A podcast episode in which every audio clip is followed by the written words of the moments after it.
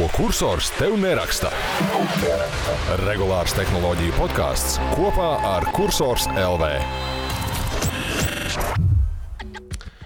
Esiet sveicināti regulārā tehnoloģiju podkāstā, ko kursors tev neraksta 17. epizodē, kas tiek ierakstīta šī gada, 2022. gada pēdējā darba dienā, pievakarē, 30. decembrī. Studijā esmu es Kristaps, un šai sarunai mums ir pievienojušies Ansis Henrijs un Māris Bergs, mūsu auto ziņu blogeris, žurnālists. Vispār, jā, tu esi žurnālists vienīgais no mums visiem. Čau! Sveiki! Čau, čau! Jā, iesākumā uzdošu uzreiz pirmo jautājumu. Kāds jums ir bijis šis nu, jau noslēgumam pienākušais 2022. gads? Tā godīgi. Ansi. Lamāties drīkstēji? Nu, tā, tā vidēji rupji, jā, uz septiņu uzgriežot. Nu, di... Su... Es nezinu, nekas tāds nesākās labi šis gads, pa vidu nebija labi. Un, nu, beigās pavisam skumīgs ir. Ok, labi, tālāk, uh, uh, Henrij. À, es, nu, es būtu normāls, teikt, normāls kā normāls latviečs, bet es teikšu, labs kopumā. Es šodien darbā vēl noslēdzām vienu svarīgu lietu. Tieši pēdējā gada darba dienā, ja kāds domā, ka šajā nedēļā nekas nenotika, īstenībā notika vislielākās lietas. Mm. À, tādā jā, arī biznesa kontekstā, darba kontekstā, jā, kopumā tā. Es teikšu, retu reizi teikšu, ka uh, pozitīvs starp 7 un 8. O, cik labi. Interesants cik, gads. Cik labi. Jā. Interesants, jā, labi. Māri. No 7 miljoniem, protams. Es laikam Nē, būšu, es drīzāk pievienošos Henrijam, nevis Ansim. Es teikšu, man pašam ir bijis labs gads gan profesionālajā sfērā, gan visā citādi. Attiecīgi, darbā arī daudzas labas lietas ir izdarītas, un arī tagad, gada nogalē, ir šādi tādi jauni projekti iesākti. Līdz ar to viss notiek, nav par ko sūdzēties, maucam tālāk, lai arī varbūt nav tie vieglākie laiki, bet jā, vienkārši jāņem un jādarās. Mm. Ok, un tad no manas puses, jā, tad, uh, šis bija interesants gads. Uh, karš Ukrajinā, man liekas, ka mums, tiem, kas nav skarti tiešā veidā ar šo karu, līdzis aizdomāties, ka nu, nemaz tik slikti mums neiet. Mums raķetes nekrīt virsū, mums nešauj nevienu šeit nos, tāpēc nu, tās mūsu problēmas nu, varbūt arī nav nemaz tik lielas. Un tad, jebkurā gadījumā, jā, milzīgs paldies visiem tiem, kas ir bijuši kopā. Nu, gan, gan jums, dārgie kolēģi, gan mūsu lasītājiem, gan mūsu sadarbības partneriem. Nu, lai vai kāds tur neksim, gada noslēgums vai šis gads, jebkurā gadījumā bija forši un, un katra sadarbība, katra pieredze nu, kaut ko dot klāt. Tas, tas jau, ko mēs paņemam no šī visa līdzi un ko mēs ienesīsim tālāk tajā nākamajā gadā. Kā es lasu dažās gudrās grāmatās, galvenais ir izdzīvot, un pēc tam tālāk jau tur viss aiziet. Galvenais ir ilgtermiņā izdzīvot. Um, runājot tad, tuvāk jau par tehnoloģiju tēmām, tad nu, pēdējais, pēdējā epizode šī podkāsta šajā gadā. Un, man liekas, ka tas īstais brīdis apkopot, kas tad bija lasīts, kas tad bija svarīgs, kas tad bija aktuāls. Un iesākumā es iziešu cauri vienkārši lasītākajiem rakstiem, tēmām, kas mums ir bijušas šajā gadā kursors LV, tātad blogā. Paskaitīju, un izrādās, ka pati lasītākā ziņa raksts mums ir bijis par to, ka Krievi bija nozaguši Ukrāņu lauksaimniecības tehniku 5 miljonu dolāru vērtībā, taču nespēja to izmantot. Tas ir tas stāsts par to, ka mūsdienīgā lauksaimniecības tehnika diezgan uh, lielā mērā ir atkarīga no programmatūras, tur ir bloķējams, viss izsekojams. Viss. Šeit vēl arī jāpiezīmē, ka, ka bija vēl tur tajā teiksim, nezinu, top 20 lasītāko kursos rakstu uh, topā, vēl bija tādas ar Ukrainas karu saistītas ziņas, piemēram, lasītākā Apple tematikas ziņa. Šajā gadā mums bija par to, kā teiksim, šie te, nu, orki, kad apzog uh, Ukrāņu mājas, tos Apple ierīces, kad nospēr. Un tur taču find my stāv virsū. Tas, un tad, teiksim, pirmkārt, viņi nevar izmantot tajā Krievijā, atpakaļ atvedot šīs ierīces, bet otrkārt, kartē tu vari redzēt, kur tās ierīces aizklīst. Tā bija arī ļoti lasīta. Un, nu, tas visdrīzāk saistīts ar to, ka uh, vienkārši nu, tēma ir aktuāla. Mēs diezgan daudz aktīvi rakstījām par šo karu no tāda tehnoloģiskā skatu punkta, un arī no auto skatu punkta. Par to mazliet arī uh, vēlāk Mārcis pastāstīs arī plašāk. Tā, tā bija tāda mm, aktuālā arī, arī tēma. Tālāk vēl no tādām uh, lasītām tēmām bija Ot, otrā lasītākā tēma raksts bija uh, par to, ka Eiropa grasās aizliegt 8K un, un, un arī daļu 4K televizoru. Tas bija Anša raksts. To mēs arī plaši izcirzājām vienā no mūsu podkāstu epizodēm. Neatceros tieši gan kurā. Bet, Bet tas, tas bija, jā, jo atkal tur energoefektivitāte un viss šitais. Uh, bet te vēl jāpiezīmē, ka arī ka vēl bija lasīti raksti par to, ka Uh, tas OSB Type-C. Tur bija diezgan daudz rakstu par šo birokrātiju, uh, kas, kas reāli sāk materializēties. Jā, un, un tam līdzīgām lietām. Tagad nesen bija raksts par to, uh, par tām baterijām, kurām tur būs jābūt nomaināmākām. To mēs runājām pagājušajā epizodē. Un, jā, tas, tas ir tāds aktuāls, tē, aktuāls tēmas un arī ļoti lasītas. Tad bija lasīta trešā lasītākā ziņa par to, ka kāds 22 gadus vecs jaunietis kļuvis par miljonāru pārdodot savas pašbildes kā NFT šos te tokenus. Un tas, tas, tas bija gada, man liekas, pirmajā pusē, kad vēl īsti nebruka tās biržas viena pēc otras kripto, un kad viss vēl klubs negāja ūdā.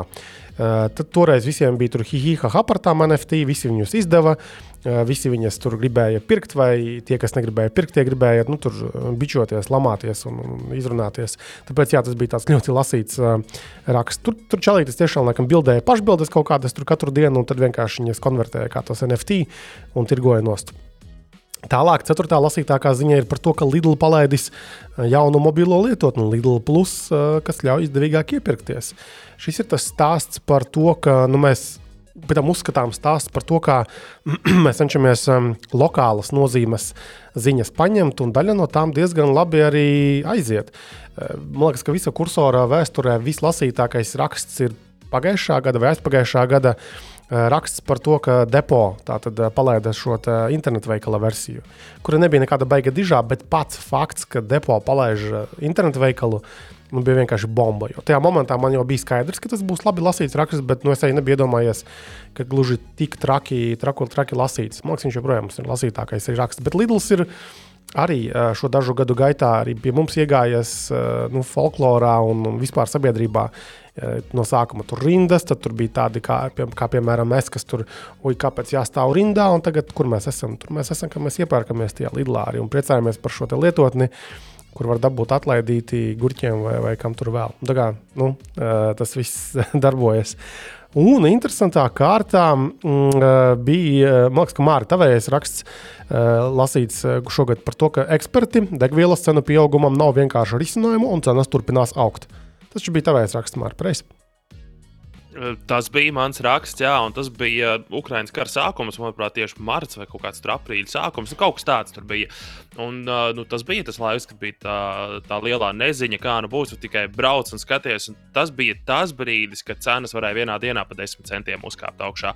Līdz ar to tur nu, daudz uzdeva jautājumu, kā, kā tas ir iespējams, ka pa desmit centiem dienā uzkāpj degvielas cena. No rīta brauc garām benzīna tankam, tur ir viena cena Vakarā brauc garām, tur jau pilnīgi cita, augstāka cena. Un tad, eh, nu, jā, tad es izlēmu, ka sarunā ar tevi, Kristap, ka tādu, tādu rakstu vajadzētu mēģināt uzrakstīt, vismaz mēģināt saprast, nu, kā tas viss tā var būt.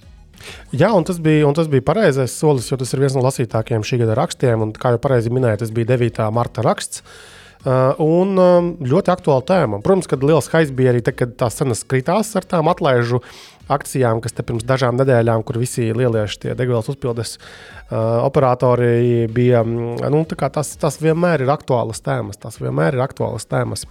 Lūk, un uh, noslēdzot šo topu, tad vēl uh, interesantā kārtā tikko pavisam nesen Henrijam Laks gatavotais raksts par to avataru filmu, kas ir izaicinājums daļai kinoteātru aprīkojuma.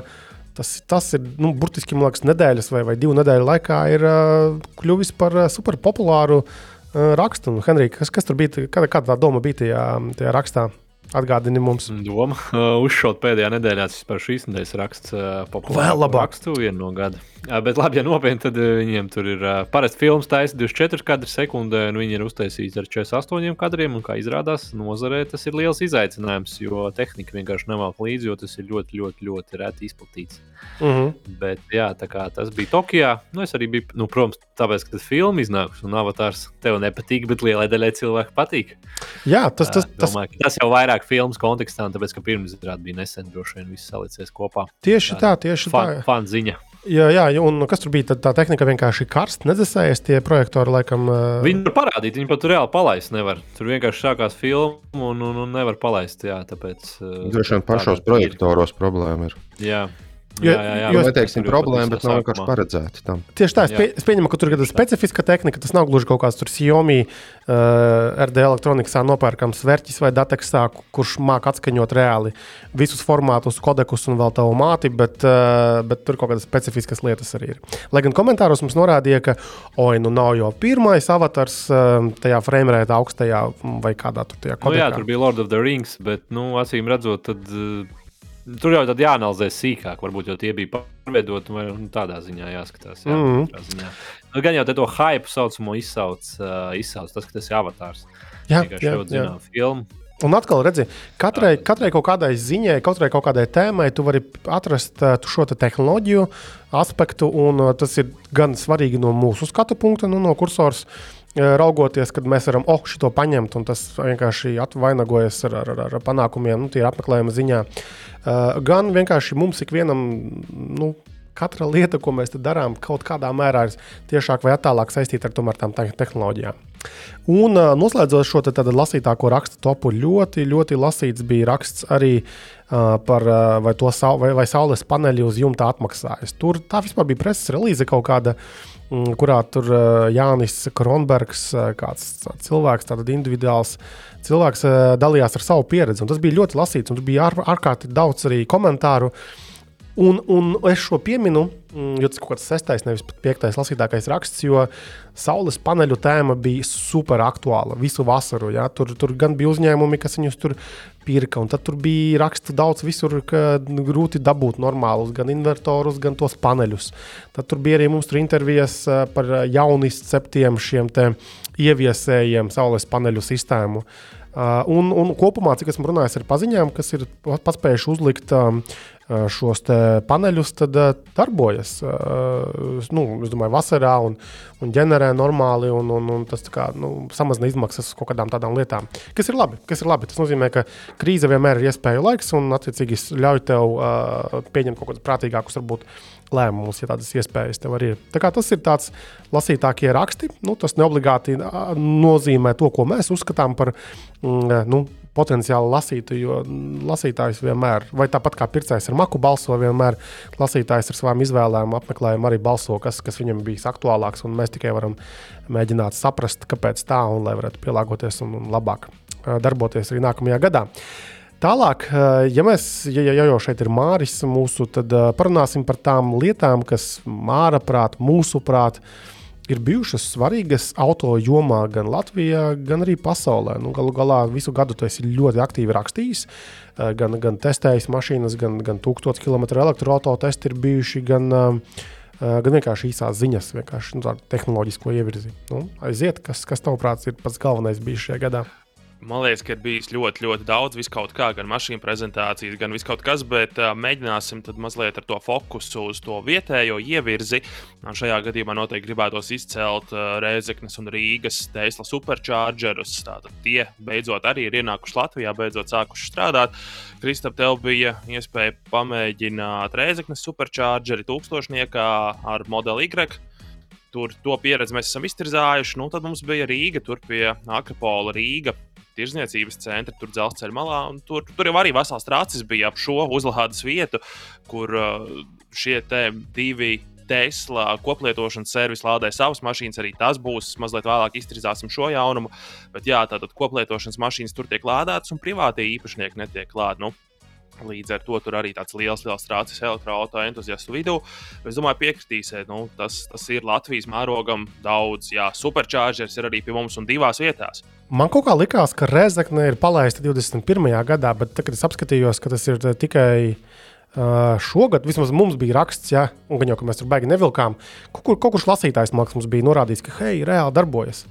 Tā bija, jā, mums pat atsūtīja kaut kādas bildes. Mm -hmm. Bija cilvēks, kurš tur savu mašīnu bija braucis, lādējies. Mums pat bildes atsūtīja. Jā, tā kā tas tā kā man šķiet, ka pavasarī tas viss bija. Nešķiet, ka jau, man liekas, ka varbūt 21. gadā bija uzliktas visas iekārtas, bet šogad tikai palaida eksploatācijā visu to lietu. Jā, jā, bet jebkurā gadījumā tas ir, tas ir labi. un Gan Rezeknē viņš noder, nu, tagad varbūt mazāk ceļojam tajā virzienā, bet, uh, bet Rīgā jā, tur taču vesels hais. Es domāju, ka tas arī noved tālāk pie tās nākamās tēmas par tiem koplietošanas Teslu servisiem. Jā, te to nebija neviena, un tev pēkšņi bums Vo, kur ir divi. Ir viens ir tāds drusku vietējāks, OX Drive.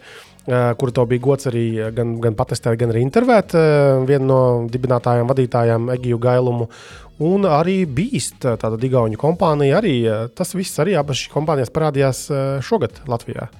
Jā, pilnīgi pareizi. Abas ir it, kā līdzīgas, bet tāpat laikā arī nedaudz atšķirīgas. OX drāja tomēr balstās Model 3 dažādās modifikācijās, un Beasts ir uh, Model Y arī dažādās modifikācijās. Mēs ar Beast esam sadarbojušies. Tā, tā tu tiki pie Model Y tūkstošniekam, kas, protams, mm -hmm. bija ļoti svētīgi, lai mums šī mašīna vispār būtu. Bet jā, ir šie divi servisi ienākuši.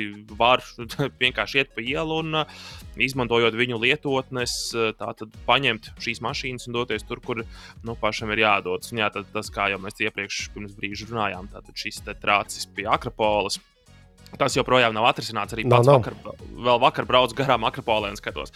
Trīs mašīnas ir no šiem servisiem. Trīs no četrām, kas tur lādējās tajā, tajā brīdī, kad es tur biju. Līdz ar to, nu, jā, tur elektroautorāta entuziastiem būs par ko pastrīdēties. Nu, ko vēl es gribēju šajā ziņā piebilst, Boldrāva arī ir ieradies Latvijā. Uh, vēl, vēl viens koplietošanas servis, kas ļoti nospieda cenas lejā, nu, tīpaši viņa sākumā ienāca tiešām ļoti, ļoti zemām cenām, ja salīdzinām gan ar Tesla servisiem, gan ar to pašu populāro Citybī. Viņiem bija ļoti zemas cenas. Tagad pēdējā laikā tās cenas ir mazliet kāpušas, bet nu, jebkurā gadījumā ir ļoti plašs tas tīkls. Un tās cenas, jebkurā gadījumā, nu, vismaz man šķiet, ir zemākas, nedaudz zemākas nekā CTV. Tur būtu jāsāk skaitīt, ja godīgi. Bet pats, ja man vajag, es tagad kaut kā pēdējā laikā to baltu vairāk ņemu, ja godīgi. Esi, ka tur daudz mašīnu, ja, un pieejamas normāli ir. Jā, ir daudz mašīnu un ir Svaigas. daudzās vietās. Jā. Jā, jā, jā. Nu, tā kā jā, tā, tā lieta arī iet uz priekšu, attīstās. Prieks redzēt. Ar, ar tiem boltiem interesanti. Mums bija tāda mana dienas darba. Uh, pasākumā Ziemassvētku es, es nejauši nonācu vietā, kur acīm redzot, ir servis, kas apkalpo Bolt Drive. Un tur bija vienkārši nošķilts vesels bars ar šīm boltdrēvu mašīnītēm. Tad tur pūns vienai nonest, tur vēl kaut kas. Un tas man prātā atsauca uh, fiksiju sākumus, kad fiksija ar tām zojām elektriskajām parādījās. Nu, tad, man liekas, tur katru nedēļu šķīla nost un bija internetā bildes kaut kādas. Tur bez riteņa kaut kāda norauta ir tā elektromašīna. Tad tur vēl kaut kas. Un tas vienkārši uzskatījumi parādīja, ka cilvēki sāk iepazīt dinamiskās elektromašīnas. Ar fiksiju arī vispār, ja mēs par fiksiju pieskārāmies, tad arī vienā no podkāstiem kādu laiku atpakaļ jau mēs to apskatījām. Bet fiksija man šķiet, ka ir palicis mazāks, vai viņi tās mašīnas pārdod, vai ko viņi dara, bet fiksija vairs kreisajā krastā nav pieejams vispār. Tu nevari tur dabūt mašīnu. Vai fiksija ir šie elektriskie stāvdrāži, skrējēji šogad? Es nezinu, man liekas, tie ir skokam, tie tur tie rollerīši un velosipēdi, tie elektriskie. Henrij, tu tur esi tāds pilsētas bērns. Godīgi sakot. Nē, esmu pamanījis, nē, tad jāpaskatās lietotnē, bet uh, varbūt pāris, man liekas, ka kaut kas vasarā kaut kur figurēja, bet arī ļoti mazajā un piebil, piebilstot Mārim, jā, tad viņi samazināja to savu fiksiju, kur auto var atstāt. Uh, Tikai centrā, un, un man nāk mārketinga paziņojumi. Viņi vispār ik pa laikam tā teiksim, agresīvi, nu, visādus kodus izsūta, kas ir jāizmanto teiksim, nedēļas laikā. Tā kā Nezinu, vai iet uz grunti, kā jau mēs te bijām sprieduši iepriekš, bet nu, izskatās, ka varētu arī tā būt. Jo, nu, protams, ja to tikai centrā atstāt, tad nu, kāda jēga palielam, ja tikai centrā. Nu, jā, un ja tu nevari kaut kādā, tur nezinu, zolitūdē to mašīnu paņemt vai uz turieni aizbraukt, ja tev tas ir vajadzīgs, nu vienalga vai kādā citā mikrorajonā, kaut kur pilsētas malā, kāda tad no visa šī pasākuma ir jēga. Par zonu maiņām tad bija kārguru, taču bija pateikuši, ka viņi no kaut kuriem aizvācas, eh, jo tiešām demolētās mašīnas, mākslinieks, arī apspriedām kaut kur, kaut kādā formātā. Un eh, vēl no zonu maiņām bija tas, ka Doigs Drive nesen izplatīja preses relīzi, ka viņi izplašas, ka viņi ir plašāk pieejami arī pierīgā tās Teslas. Jā, jā, tur ir vesela kaudze, tur bija kaut kādas 11 zonas, jā, tur, jā. ko viņi norādīja. Tur daudz tur pie lidostas var atstāt, kas arī ir svētīgi. Es arī pats kaut kad, kādus divus mēnešus atpakaļ atlidoju uz Rīgu, atpakaļ no darba brauciena. Un vajag jāgaida ir autobuss. Tur tieši aizbrauciens un nākamos linkums gaidīt, grib paņemt to mašīnu, vienkārši aizbraukt. Un nevienas tās mašīnas nav. Ne CTVs, ne OX drive. Nu, tajā brīdī vēl nebija viņiem tā zona. Nu, tur trūks to mašīnu. Mm -hmm. Vēl par tālrāžiem runājot, eh, šogad taču parādījās tūlīt, vai pagājušajā gadā parādījās tūlīt, tie skrējēji, tie makanie raibiem. Man liekas, ka šogad viņi bija. Man liekas, ka šogad vasarā, jā, jā, jā viņi tā diezgan intensīvi. Viņa nav daudz. Viņa nav daudz pret Boltu, es domāju, nu, kas Bolts ir tā kā vismasīvāk nosētas tā, tā pilsēta, bet viņi ir tādi makani, kā viņi paši ir uzsvēruši, ka viņi tiek ražoti un taisīti tepat uh, Igaunijā, man liekas, un uh, jā, redzēsim, kā viņiem veiksies ar attīstību nākamajā gadā. Labi, uzlādes uh, lietas. Tātad, uh, arī kad es braucu uz, uz šo superchargeru lādētāju, taču vēl virs šī ir uh, nu, Jēkabpilī, Krustpilī. Kā, nu, Krustpils gan jau tālākam skaitās. Tā laikam sanāk, ka tā ir kruspils, vismaz tas tā degvielas. Nu, nezinātāji sauc par Jēkabpilī. Jā, nu, jebkurā gadījumā Daugopils šoseis malā tieši pirms Mm. sadalās šosei uz Daugopilu un uz Rēzekni. Um, jā, tur ir, uh, tas tika atklāts pavasarī, to mēs, ar, uh, mēs visi trīs aktīvi izmantojām. Mēs ar Māri arī vairāk braucām šos 1000 km braucienus šogad, bet uh, nu, katrā ziņā visi trīs mēs tur palādējāmies. 80 kW. Laikā. 80 kW, kas bija liels atspējs, un mēs visus savus braucienus pakārtojām tam, lai virsmas mēs varētu rīktīgi lādēties ar tukšu bateriju un lai varētu pielādēt tās mašīnas pilnas vai maksimāli pilnas. 80 kW, jā, tas it kā nav daudz, tajā pašā laikā tas ir stipri vairāk nekā ir pieejams citur reģionos. Jā, protams, mēs te varam pieskarties arī tādai lietai, ka mums, piemēram, ir elektrums 150 kW uzlāde, ko es arī pats ar Kia EV6 izmēģināju. Mums arī ir plašs apraksts, ko var autosadaļā atrast. Tātad tur arī es 20 minūšu laikā no kaut kādiem 30 līdz 83% tika no plus mīnus kaut kas tāds. Katrā ziņā ātri.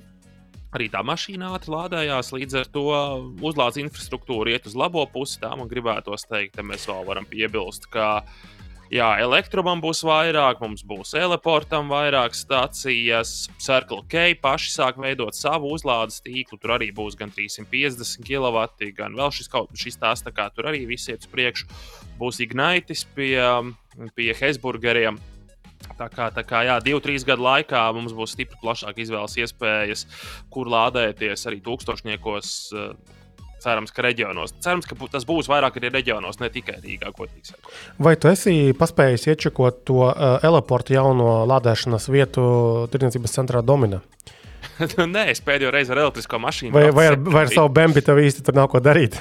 Man ar bēnbu tur nav ko darīt. Jā. Tas ir viens, bet uh, nē, nē, nu es ar elektrisko mašīnu pēdējo reizi braucu septembrī. Tiešām, kā uh, nāks pavasaris, atkal tūkstošnieku sezona. Nu, labi, es OX drāju dažreiz paņemu atzīšos. Jā, man patīk ar tām teslām braukt, un tā dinamika ir forša lieta. Bet, um, bet, bet, bet, jā, nāks pavasaris, droši vien domāsim par tūkstošniekiem atkal. jau Jo tajā, domin, jo, jo tajā dominā tiem eleportiem ir kaut kas tur baigi liels sanācis, cik es saprotu. Tur ir ļoti daudz to pieslēguma vietu. Uh, un, un, un kā jau daudz kur tur ir viens tāds laikam, superjaudīgais, un tad ir vienkārši mazāk uh, jaudīgi tās pieslēgvietas. Vienkārši viņu daudz ir. Un Eleports ir diezgan tāds, man liekas, redzams bijis uh, visu šo gadu. Vai, vai tāpēc, ka mēs Kārlim Menziņam vienkārši sekojam uh, visām viņa gaitām, vai, vai, vai kas, bet man, man viņi tādi acīs ļoti iekrita arī. Vēl man Man arī liekas, ka viņi darbīgi ir bijuši. Jā, pareizi saka, tur dominācija, kas vismaz bildēs redzēja, tad tur ir daudz šo pieslēpumu. Tas arī ir labi, ko mēs paši esam tūkstošniekos redzējuši. Nu, piebrauc, tu pats sāc lādēties, un piebrauc jau kāds aiz tevis, un tad ir jāstāv rindā. Vai ir otrādi, tu piebrauc, un jau kāds lādējas, un atkal stāv. Tad ir forši, ka ir tās vairākas vietas, kur tu vismaz kaut mazliet vari ielādēt. Mm. Vairāk vai mazāk, ar lielāku jaudu, mazāk, bet vari ielādēt. Nevis vienkārši stāvi un kūko un gaidi, jo tu nekur nevari aizbraukt. Un tad, tad vēl pamanāmā lieta bija tāda, it īpaši e-mobīļa tīklā, nu, ka būtiski mainījās tās cenas. Jā? Nu, tur, tur bija tas raksts mums, ka tur trīs reizes. Jā? Bet izskaidro varbūt vēlreiz tiem, kas varbūt nav izsekojuši, kā tur tagad tā tarifikācija šīm e-mobīļa, jeb, jeb valsts nodrošinātajām, uzturētajām uzlādes stacijām veidojas un, un kā viņa mainās tur ik pa laikam, tomēr atkarībā no biržas tām cenām. Jo tur nav viena Jā. fiksēta vairāk cena. Jā, nu, līdz šim mums ļoti paveicās ar tūkstošnieku sezonu. Atkal par to ir jārunā, jo pēdējais brauciens tika izbraukts kādu nedēļu vai divas pirms notika šī cenu maiņa. Mēs vēl paspējām palēto par 15 centiem minūtē lādēties. Tā bija visu laiku, visus šos gadus 15 centi minūtē fiksēta samaksa. Tad šogad, septembrī, tas mainījās. Tā tad ir fiksēta viena fiksēta likme, tur es tagad aizmirsu kaut kādu 12 centi apmēram minūtē, un tad cena ir piesieta uh, biržas, tā, biržas cenai. Attiecīgi, pēc, tur ir speciāla formula, pēc kuras tiek aprēķināts, ņemot vērā vidējo cenu biržā. Un tad mēnesi, reizi mēnesī cena var mainīties. Ja biržā vidējā cena arī ir par 20%, cent- 20% bijusi atšķirīga, vai nu uz augšu, vai uz leju, vismaz par 20%, tad tur var sākt mainīt. Un samazinājums jau ir bijis. Ir bijis, jā, ja tobrīd bija kaut kādi 50 ar kaut ko centi minūtē, septembrī, kad bija tā augstākā, augstākā likme, tad tagad ir zemāk. Es tagad nepateikšu atkal, es neesmu braucis ar elektriskajām mašīnām sen, bet ir mazāk, ir mazāk, palika lētāk. Nav tā, ka tikai uz augšu tas visu laiku paliek arī. Ja, ja biržā cena krītās elektrībai vismaz par 20% vai vairāk, attiecīgi arī e-mobīļa mēneša beigās uz nākamo mēnesi to vispār rēķinu paliek lētāk. Un, un tas, man liekas, arī tāda svarīga atziņa, ko, ko tieši 2022. gads mums ir nesis. Ka, nu, nebūs elektrība lēta kā tāda nekad vairāk. Uh, jo bija tas moments, liekas, kad arī, arī elektroautobraucēji un jūs viņi, o, oh, elektroautorāts taču ir tik lēti, un tu vari lādēties tur pa lēto, un vēl kaut kur, nezinu, pīkējies, dabūt vispār pa velti. A, tagad reāli nekur īsti vairāk nav lēta tā elektrība. Nu, grozies kā gribi, ne mājās, ne, ne publiskajās uzlādes stacijās. Tas, ka to nu, iespēja vajag. Tā jau nevajag teikt. Šodien, nu ir, šodien ir ļoti lēta elektrība, un rītdien, man liekas, arī ļoti lēta elektrība. Tas ir ja pēc biržas burā. Tu pēc biržas burā vispār? Protams, es, nē, nē, nē, nē, es, nē, es tikai iemetu šodien acis. Iesakoju, Katru dienu Twitterī ir ieraksts, kad ir elektrība jāpērk. Nē, nu, tas nav nekāds noslēpums, bet uh, fakts paliek fakts, ka šodien un rīt ir ļoti lēti. Es gan neesmu sekojis, kas vispār notika šonadēļ, vai, vai šajā mēnesī, bet uh, šajās dienās ir ļoti lēta. Vienu brīdi pat kaut pāris stundas, man liekas, rītdien. Nu, šodien bija jau, man liekas, ka nulle, un rītdien, man liekas, kaut kāds pāris stundas arī ir no rīta. Tas nāk par labu lētai elektrībai, ne daudz ūdens ir upēs. Un tikmēr tā bija... kā CSDD laid nost no lādētas cenu. Un tikmēr bija liekas, paralēli ziņas, ka kaut kur Zviedrijā vai, vai Somijā viņi gatavojas, kā rīkoties, ja vienkārši nav elektrības, viņa beidzas. Un... Šveicē. Šveicē tas bija. Ka... Bet arī, Skandināv... arī... kaut kur Skandināvijā bija ziņa kaut kāda, man liekas. Okay, nu, jebkurā gadījumā Šveicē tur arī bija, jā, ka, ka tur iesaka, ko tur nelādēt, vai kādi ir tie plāni. Ja elektrības ir par maz, nu, tur arī bija tāda, tāds hais mazliet par šo visu sacelts, bet ne par cenām runājot. Arī tas pats EV6, ko es elektrumā lādēju, es rakstīju to rakstu. Un cena arī tur bija šausmīgi uzlēkusi. Jā, jā tur bija kāda 77 vai 80 par kilovatstundu. Tieši kilovat, kil, jā, tur bija par kilovatstundu jāmaksā. Tur, nu, kaut kas ap 80 centiem kilovatstundā grozījās, un es paskaitīju nu, nebija. EV6 pats par sevi bija taupīgs elektroautorāts, bet cena to brīdi elektrībai un degvielai. Nu, mans bērns neko diži dārgāks nebija. Turpat vien mm. bija. Un es ar 1000 km, lai mani tagad uh, piekauj un sit nos, bet es ar bērnu varu 1000 km aizbraukt, pārbaudīt. Bet tu starp citu esi liekas, pagājušajā vai aizpagājušajā gadā to 1000 km maršrutu ar golfu nobraucis. Parasti viegli zināju. Tas bija kad aizpagājušajā gadā vai vēl senāk pat? Tas bija 20. gadā. A, kā, tur bija, a, kā tur bija stundu ziņā? Tas bija nu, ap, nu, ātrāk, kā, kā 13 stundas. 13, 13 jā. Un, un, tas, tas ir tā smuki braucot, nu, ieslēgt kruīzes kontrole, golfam tur vēl tas travel assists vai kā tā funkcija skaitās. Viņu var sakot, autopilots Volkswagen. Jā, tikai viņš arī reāli strādā. Vispār es tur biju kaut kāda posma, kas man liekas, kaut kāds 100 km laikā divreiz pedāļiem pieskāros. Vienkārši viņš pie pilsētām automātiski samazina ātrumu, izbrauc no pilsētas, viņš automātiski palielina ātrumu. Tikai bišķi pieregulēja, tur, tur no 90 vietā uzliek simtiņu un brauc un aizmirst vispār pedāļus nespēja. 13 stundas vispār nesteidzoties ļoti mierīgā gaitā. Un, nu, Tobrīd degviela gan maksāja eiro 5, mm. eiro 5 centi litrā. Kā, nu, tie bija tie skaistie laiki Covid dēļ. Pagaidiet, un ātrākais elektroautorāts 1000 km, tur tā stabula atradīšu. Mums bija liekas, 14,5 stundas. Ja? Kia Nīro, jā, Kia Nīro 14,5 kaut kas tāds. Jā. Jā, ok, labi. labi parunāsim patiesībā par šiem tūkstošniekiem. Tātad šajā gadā mums bija diezgan daudz uh, tūkstošnieki. Kopā mums par šiem trijām, trijām sezonām ja, ir uh, 30 elektromašīnas notestētas, gan lētākas, gan dārgākas, bet nu, uzsvars uz tām mašīnām, kas ir šeit oficiāli nopērkamas, nu, plus Teslas divas Model 3 un Model Y šovasar bija. Jā, starp citu, jā, Tesla mājaslapā tagad var uz Latviju pasūtīt. Tas, tas arī ir jaunums, jā, ka tur ir Latvija tāda atsevišķa sadaļa un var pasūtīt oficiāli. Kaut kā, kā viņas piegādājas, nezinu, bet pasūtīt var. Un vēl, vēl arī bija ziņa, teiksim, kaut kad nesen es redzēju, ka, ka Model Y Tesla ir vispār best-selling car in all Europe pēc kaut kādiem datiem, un tas ir no visām mašīnām novembra mēnesī. Tesla Model Y bija. Es, es, es nespēju noticēt šitam reāli, ja godīgi. Tā ir, un tas ir visā Eiropā. Tie ir kaut kaut, kaut kāda statistikas kompānija tos skaļus ir apkopojusi. Tad no katras valsts, nu, katras valsts CSDD šos datus iesniedz, un tad statistikas kompānija tur nespēju to Tik- noticēt. Taču pasaulē 19,000 eksemplāru pa visu Eiropu, kaut kā gandrīz 20,000 eksemplāru mēnešu laikā tika pārdot. Tas ir, bija vairāk nekā golfs. Sekoja, otrajā vietā bija Dacia Sandero, un trešā bija Toyota Yaris. Starp tām pārdotākajām mašīnām novembrī. To es atceros, to es Bet- rakstīju. tas, tas ir traki. Bet kā tas ir? Nu, kāpēc? Taču Tā nav lēta Visiem mašīna. nav pols padomju domāšana, ka jābrauc pa džero. Visi vienkārši grib braucot ārā uz svētkiem, tikties pie lādētāju uz kādām stundām, četrām līdz sešām. Bet modeļi Y maksā divreiz dārgāk nekā tas golfs noteikti. Vai trīs, labi, ne, divi ar pus dārgāk Nu, noteikti. trīs Divreiz vai, stabili. bet, jā. Divreiz Mm. stabili. Jā. Nu, tur jau jāstāsta subsīdijas, kurā valstī droši vien kaut kāda Vācija bija jākal. Nu, varbūt Norvēģijas spridzina. Tur jau dažiem vajag sīkāk Zini, papētīt. kā Vācijā, Vācijā modeli, Model 3 bija pārdotāks. Man liekas, pat divreiz vairāk Model 3 vienību bija pārdots Vācijā kā Model Y. Kas ir interesanti, jo Model Y ražo Vācijā, Berlīnē. Varbūt ne ļoti daudz, bet kaut ko jau tur saražo. Bet uh, Model 3 gan tur neražo Berlīnas rūpnīcā pagaidām. Līdz ar to tur mistika, kā Tesla mašīnas tiek pārdotas, vispār kā tie skaidri tur veidos. Tur arī šausmīgi lēkāšana ir vienā mēnesī, varbūt nenormāli daudz, nākamajā atkal varbūt ļoti maz. Nu, tur tā ļoti interesanti vispār, kā, kā tas tiek saskaitīts un kā tās mašīnas tiek reāli piegādātas, pārdotas. Par skaitļiem runājot, man ļoti patika, nu kā, teiksim, šis gads ir iezīmējies arī ar to, ka uh, biržās ir uh, nu, baigās lejupslīde.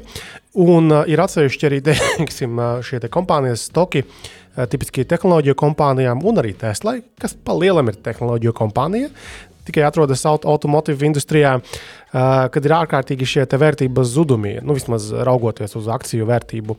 Un, uh, un Teslas gadījumā, cik viņi ir 720 miljardu vērtības dolāru kritums šajā gadā, kas ir kopā lielāks nekā tur vesela bara ar klasisko autoražotāju kopējo vērtību. Tā kā Tesla šajā gadā pazaudēja uh, vērtību, kas ir lielas daļas vispār konkurentu, klasisko autoražotāju kopējā vērtība. Tas ir, nu, ja tu skaties uz šādiem grafikiem, tabulām, tas vienkārši liekas prātam neaptverami. Cik milzīga uz papīra ir Tesla. Daudz it kā teica, ka Teslas vērtība ir šausmīgi uzpūsta biržā. Mm. Vienā brīdī tas burbulis plīsīs, un var, varbūt, nu, varbūt tagad tas ir noticis. Varbūt vienkārši investori kaut kādā mērā reaģē uz to, ko Ilons Masks dara. Nevis kaut kādā mērā, bet viņi pilnīgi noteikti reaģē uz to, ko viņš dara. Līdz ar to, jā, nu, Tesla gāžās lejā. Nu, varbūt ir īstais laiks tās Teslas akcijas nopirkt pa lēto. Varbūt kāps atpakaļ, kas zina. Nu, mums Keitija baigi aktīvi investē Teslā. Tagad, protams, ka viņai gr- grūti tajā portfelī skatīties, ir viss sarkans. Man arī ir, jā. Tev arī ir Teslas, ja? Jā, man arī ir Teslas akcijas. Jā. Demit. Man nav Man krītums no personīgi kad 53%. 53 tev ir? Tas ir uz Jā. visa portfeļa? Nē, nē, nē kopējā Teslai tieši. Tieši lai, nu, ok, nu skaidrs. Tad jāpērk klāt. Jāpār mašīna ir. Nu. Jā.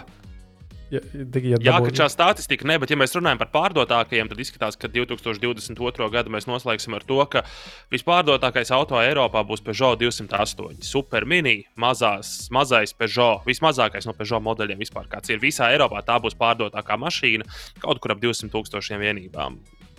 Pagaid, tu esi braucis ar to mašīnu vai nē? Es ar jauno 308 izbraucu. Man, godīgi sakot, tīri labi patika. Ar 208 es neesmu braucis. Bet viņam ir arī elektriskā versija. E, Es nezinu, kāds ir 208 laikam bija. Ja? E208. Jā, es gan. Es ar to braucu. Ar braucu. Es ar braucu. Es atceros, ka mašīna kā tāda, nu, nu fifīga bija. Likās, tur kaut kāda dīvaina dizaina elementi, protams, kā jau frančiem vai francūžiem, kā par frančiem, francūžiem. A? Nezinu. Nu, Jā, nu, nav svarīgi. Bet svarīgi ir tas, ka viņi rīktīgi neprecīzi rādīja potenciālo nobraukumu atlikumu. Jā. Tu tur rēķinies, ka tu nobrauksi 50 km. Patiesībā tu nevari nobraukt 50 km. Un tas Es bija. to pašu varu pateikt arī par uh, trīsreiz dārgāku Audi Q4. Lai man piedod Audi, bet man tur ar Audi. Es nespēju sadraudzēties ar to mašīnu. Negāja tev ar viņu. Nu, tur arī tur viss, tur tāda mistika bija, kā saka, it kā nobrauc fiziski 50 km, piemēram, bet tev no Ranger pazuduši 80, piemēram, 90. Nu, tas, tas ir viens, bet es eh, tātad un, un tu sagaidi, ka tu varēsi nobraukt mazāk nekā to tā mašīna rāda. Faktiski ar visām elektromašīnām, bet ar to Peugeot man bija tāda sajūta, ka, blēvens, es, es nevaru spridzināt tik ļoti. Ai, pamēģināšu ar pēdējiem elektroniem aizbraukt, kā ar daudzām mašīnām, tām pašām Teslām. Ah, fuck it, braucam. Gan jau, ka tiksim līdz tai jēkapilī, ja un arī tiek. Ar Peugeot es šitā neeksperimentētu, īpaši ziemā kaut kādā. Nu, es nezinu, katr, katrā ziņā tur tajos datos nebija norādīts, kāds ir sadalījums starp benzīnu 208 un um, elektrisko, bet nu, noteikti elektriskais arī tīri smuki ir aizgājis. Es, pašam, es pats vēl nesen vienam tieši aizmugurē piebraucu pie Luksafora klāt. Tā kā ir tās mašīnas, viņas tirgojās. Arī kā Henrijs kā smējās, nu nevajag Eiropā visiem pa džēru nopērkt to 208 ar maucu. Nu, viss kārtībā. Nevienam nevajag to pa džēru. Tik priecīgs esmu, ka es tiku vaļā no tās mašīnas reāli. Bet, um, um, bet vēl par mazām mašīnām runājot, uh, gada auto Latvijas, ne, vai kuras? Škoda Fabija Latvijas gada auto vai Eiropas mm -hmm. gada auto? Latvijas gada auto mēs par to arī rakstīju, sagatavojām mazu, un uh, tur komentāros ļoti aktīva diskusija panesās. Uh, mūsu lasītāji arī komentēja. Kāpēc Fābija, kas tas tāds? A, kāpēc nē? Tā ir reāli pragmatiska, forša maza mašīnīte, kas nemaksā miljonu. Nezinu, kā es ar Fāpiju braucu janvārī. Janvāra sākumā, tu nē, janvāra beigās vai februāra sākumā. Un, labi, protams, mums bija ļoti labā komplektācijā par 25,000. 25,000 atklāpot par Fābiju, nu, ir diezgan sālīti. Tāpat laikā, nu, tā maš, tajā mašīnā un tādā komplektācijā, nu, tu galīgi nejūties sūdīgi. Mm -hmm. nu, jā, protams, tu tur nesagaidīsi tur BMW 5 sēriju vai kaut ko tamlīdzīgu. Jā, skaidrs, tur tāds A6 Audi jā, tur materiāli būs labāki, viņš būs klusāks, tur jaudīgāks. Jā, bet viņš maksās trīsreiz dārgāk. Nu, par to jau ir tas stāsts. Un tad ir jautājums, ko mēs vispār definējam kā gada auto. Nu, tad, ja mēs definējam dārgāko, jaudīgāko, tur graznāko, nu, tad katru gadu ieliekam kādu Rolls Royce. Nu, vai, vai, vai kādi ir tie kriteriji vispār, kā mēs definējam? Tas ir jāprasa konkursu rīkotājiem Mārim Mozoliņam kas bija tie kriteriji. Bet nu, man šķiet, ka Fabija no tām mašīnām, kas tur bija pieteiktas, bija diezgan normāla izvēle. Es būtu par citām balsojis, bet, bet kopumā man ļoti patīk tas autiņš. Mans gada, mans gada auto, man ir 5 centi, Kijā EV6. Viennozīmīgi. Tas autiņš no visiem, ko es testēju šogad, man tur bija Jaguars ar V8 motoru šogad ticis. Tur nu, viss kaut kas bija. Man tas auto nenormāli patika. Tas bija viens elektroautorāts, kuram es. Nu, Es vienkārši braucu, darīju, kas man ir jādara, un es vispār nedomāju, ka tas ir elektroautorāts. Vienkārši es viņam varēju uzticēties, un tā mašīna arī darīja visu, ko vajag. Ātra, nenormāli ietilpīga. Man tas auto tiešām patika. Nebūtu vēl tik dārgs. Super. Atkal mm -hmm. kaut kā viss ir relatīvs par dārdzību. Tāpat laikā vēl par 20,000 dārgāks Audi. Nu, man negāja, negāja pie sirds, galīgi negāja pie sirds. Vēl par tādu teiksim, naudas lietām runājot, man liekas, ka tāda tendence, ko mēs diezgan bieži apskatījām šajā gadā, ir tas, ka autoražotāji tagad atkal sāk runāt vairāk par dažādu feature, ot, maksā štuku un to lielāku jaudu ieslēgsim tajā mašīnā. Ja? Nezinu, tur maksā vēl kaut kādu maksājumu, un tad to būs tur gaismas spožāk spīdēs. Man liekas, ka šī ir tā tēma, kas būs tuvākajos gados aktīvāk attīstīta. Man liekas, ka šo iesāka Bēnbis. Bēnbis uztaisīja baigo traci, nu, vai drīzāk cilvēku uztaisīja par BMW traci, ka BMW kaut kādu atsevišķu valstu tirgos piedāvāja sēdekļu apsildi par papildus samaksu. Tev dzelzis ir fiziski iebūvēts tajā mašīnā, visa tā tehnika, kas to notrošina, bet, lai tu to varētu lietot, tev par to ir jāsamaksā tur, nezinu, 10 eiro, piemēram, vai cik tur bija tā maksa. Es tiešām neatceros. Bet kaut kāds simbolisks cipars jāsamaksā. Tad Ancis rakstīja par to, ka Mercedes EQ sērijas elektriskajās mašīnās tur var papildus jaudu dabūt. Bija tev tāds raksts, un man bija kaut kas ļoti līdzīgs par Polestāru, ko Latvijā šobrīd oficiāli nopirkt nevar, bet, nu, katrā ziņā Polestāra arī tādu triku piekopa. Par tiem beņķiem arī Teslā, man liekas, bija tas stāsts, un tad bija tas jautājums, kas notiek, kad tu pārdod to Teslu. Vai tev līdzi pārdodas tie subscriptioni uz siltajiem beņķiem, vai tomēr atkal jauniem īpašniekam ir no jauna jāabonē. Tā arī neatceros, kā mēs tur nonācām līdz kādai atziņai par to visu.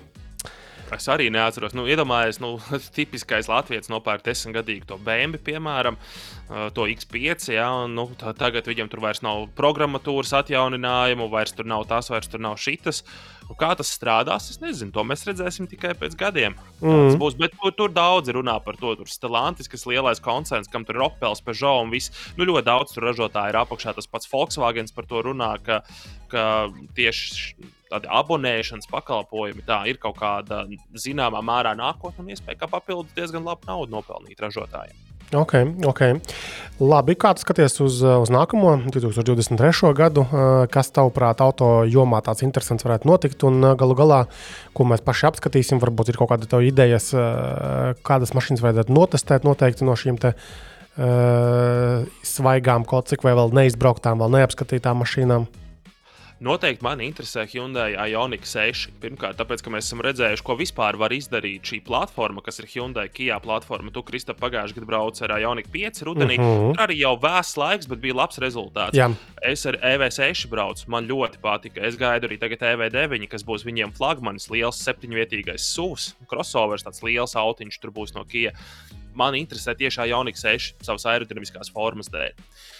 Ja, teiksim, kas vēl varētu būt uz priekšdienām, ko es varu pastāstīt eh, ar dievpalīgu, ja viss būs labi un skaisti, varbūt tiksim beidzot pie elektriskajiem Mercedesiem. Jo Mercedes, teiksim, tur viņiem mainoties korporatīvi daudzām lietām, Mercedes kļūst krietni atvērtāks. Attiecīgi izskatās, ka. Uz testiem tu domā, ja? Jā, jā, jā, tieši uz eh, dažādiem, dažādām šādām aktivitātēm. Līdz ar to varbūt arī beidzot tiksim pie elektriskajiem Mercedesiem paprovēt, kādi viņi ir, ko viņi var izdarīt mūsu braucienā. Nu, es jau, protams, klusībā ceru, ka mēs tiksim arī pie elektriskajiem BMW, bet nu, tas neizskatās daudz sološi. Interesants mašīnas, gan iX, gan i4.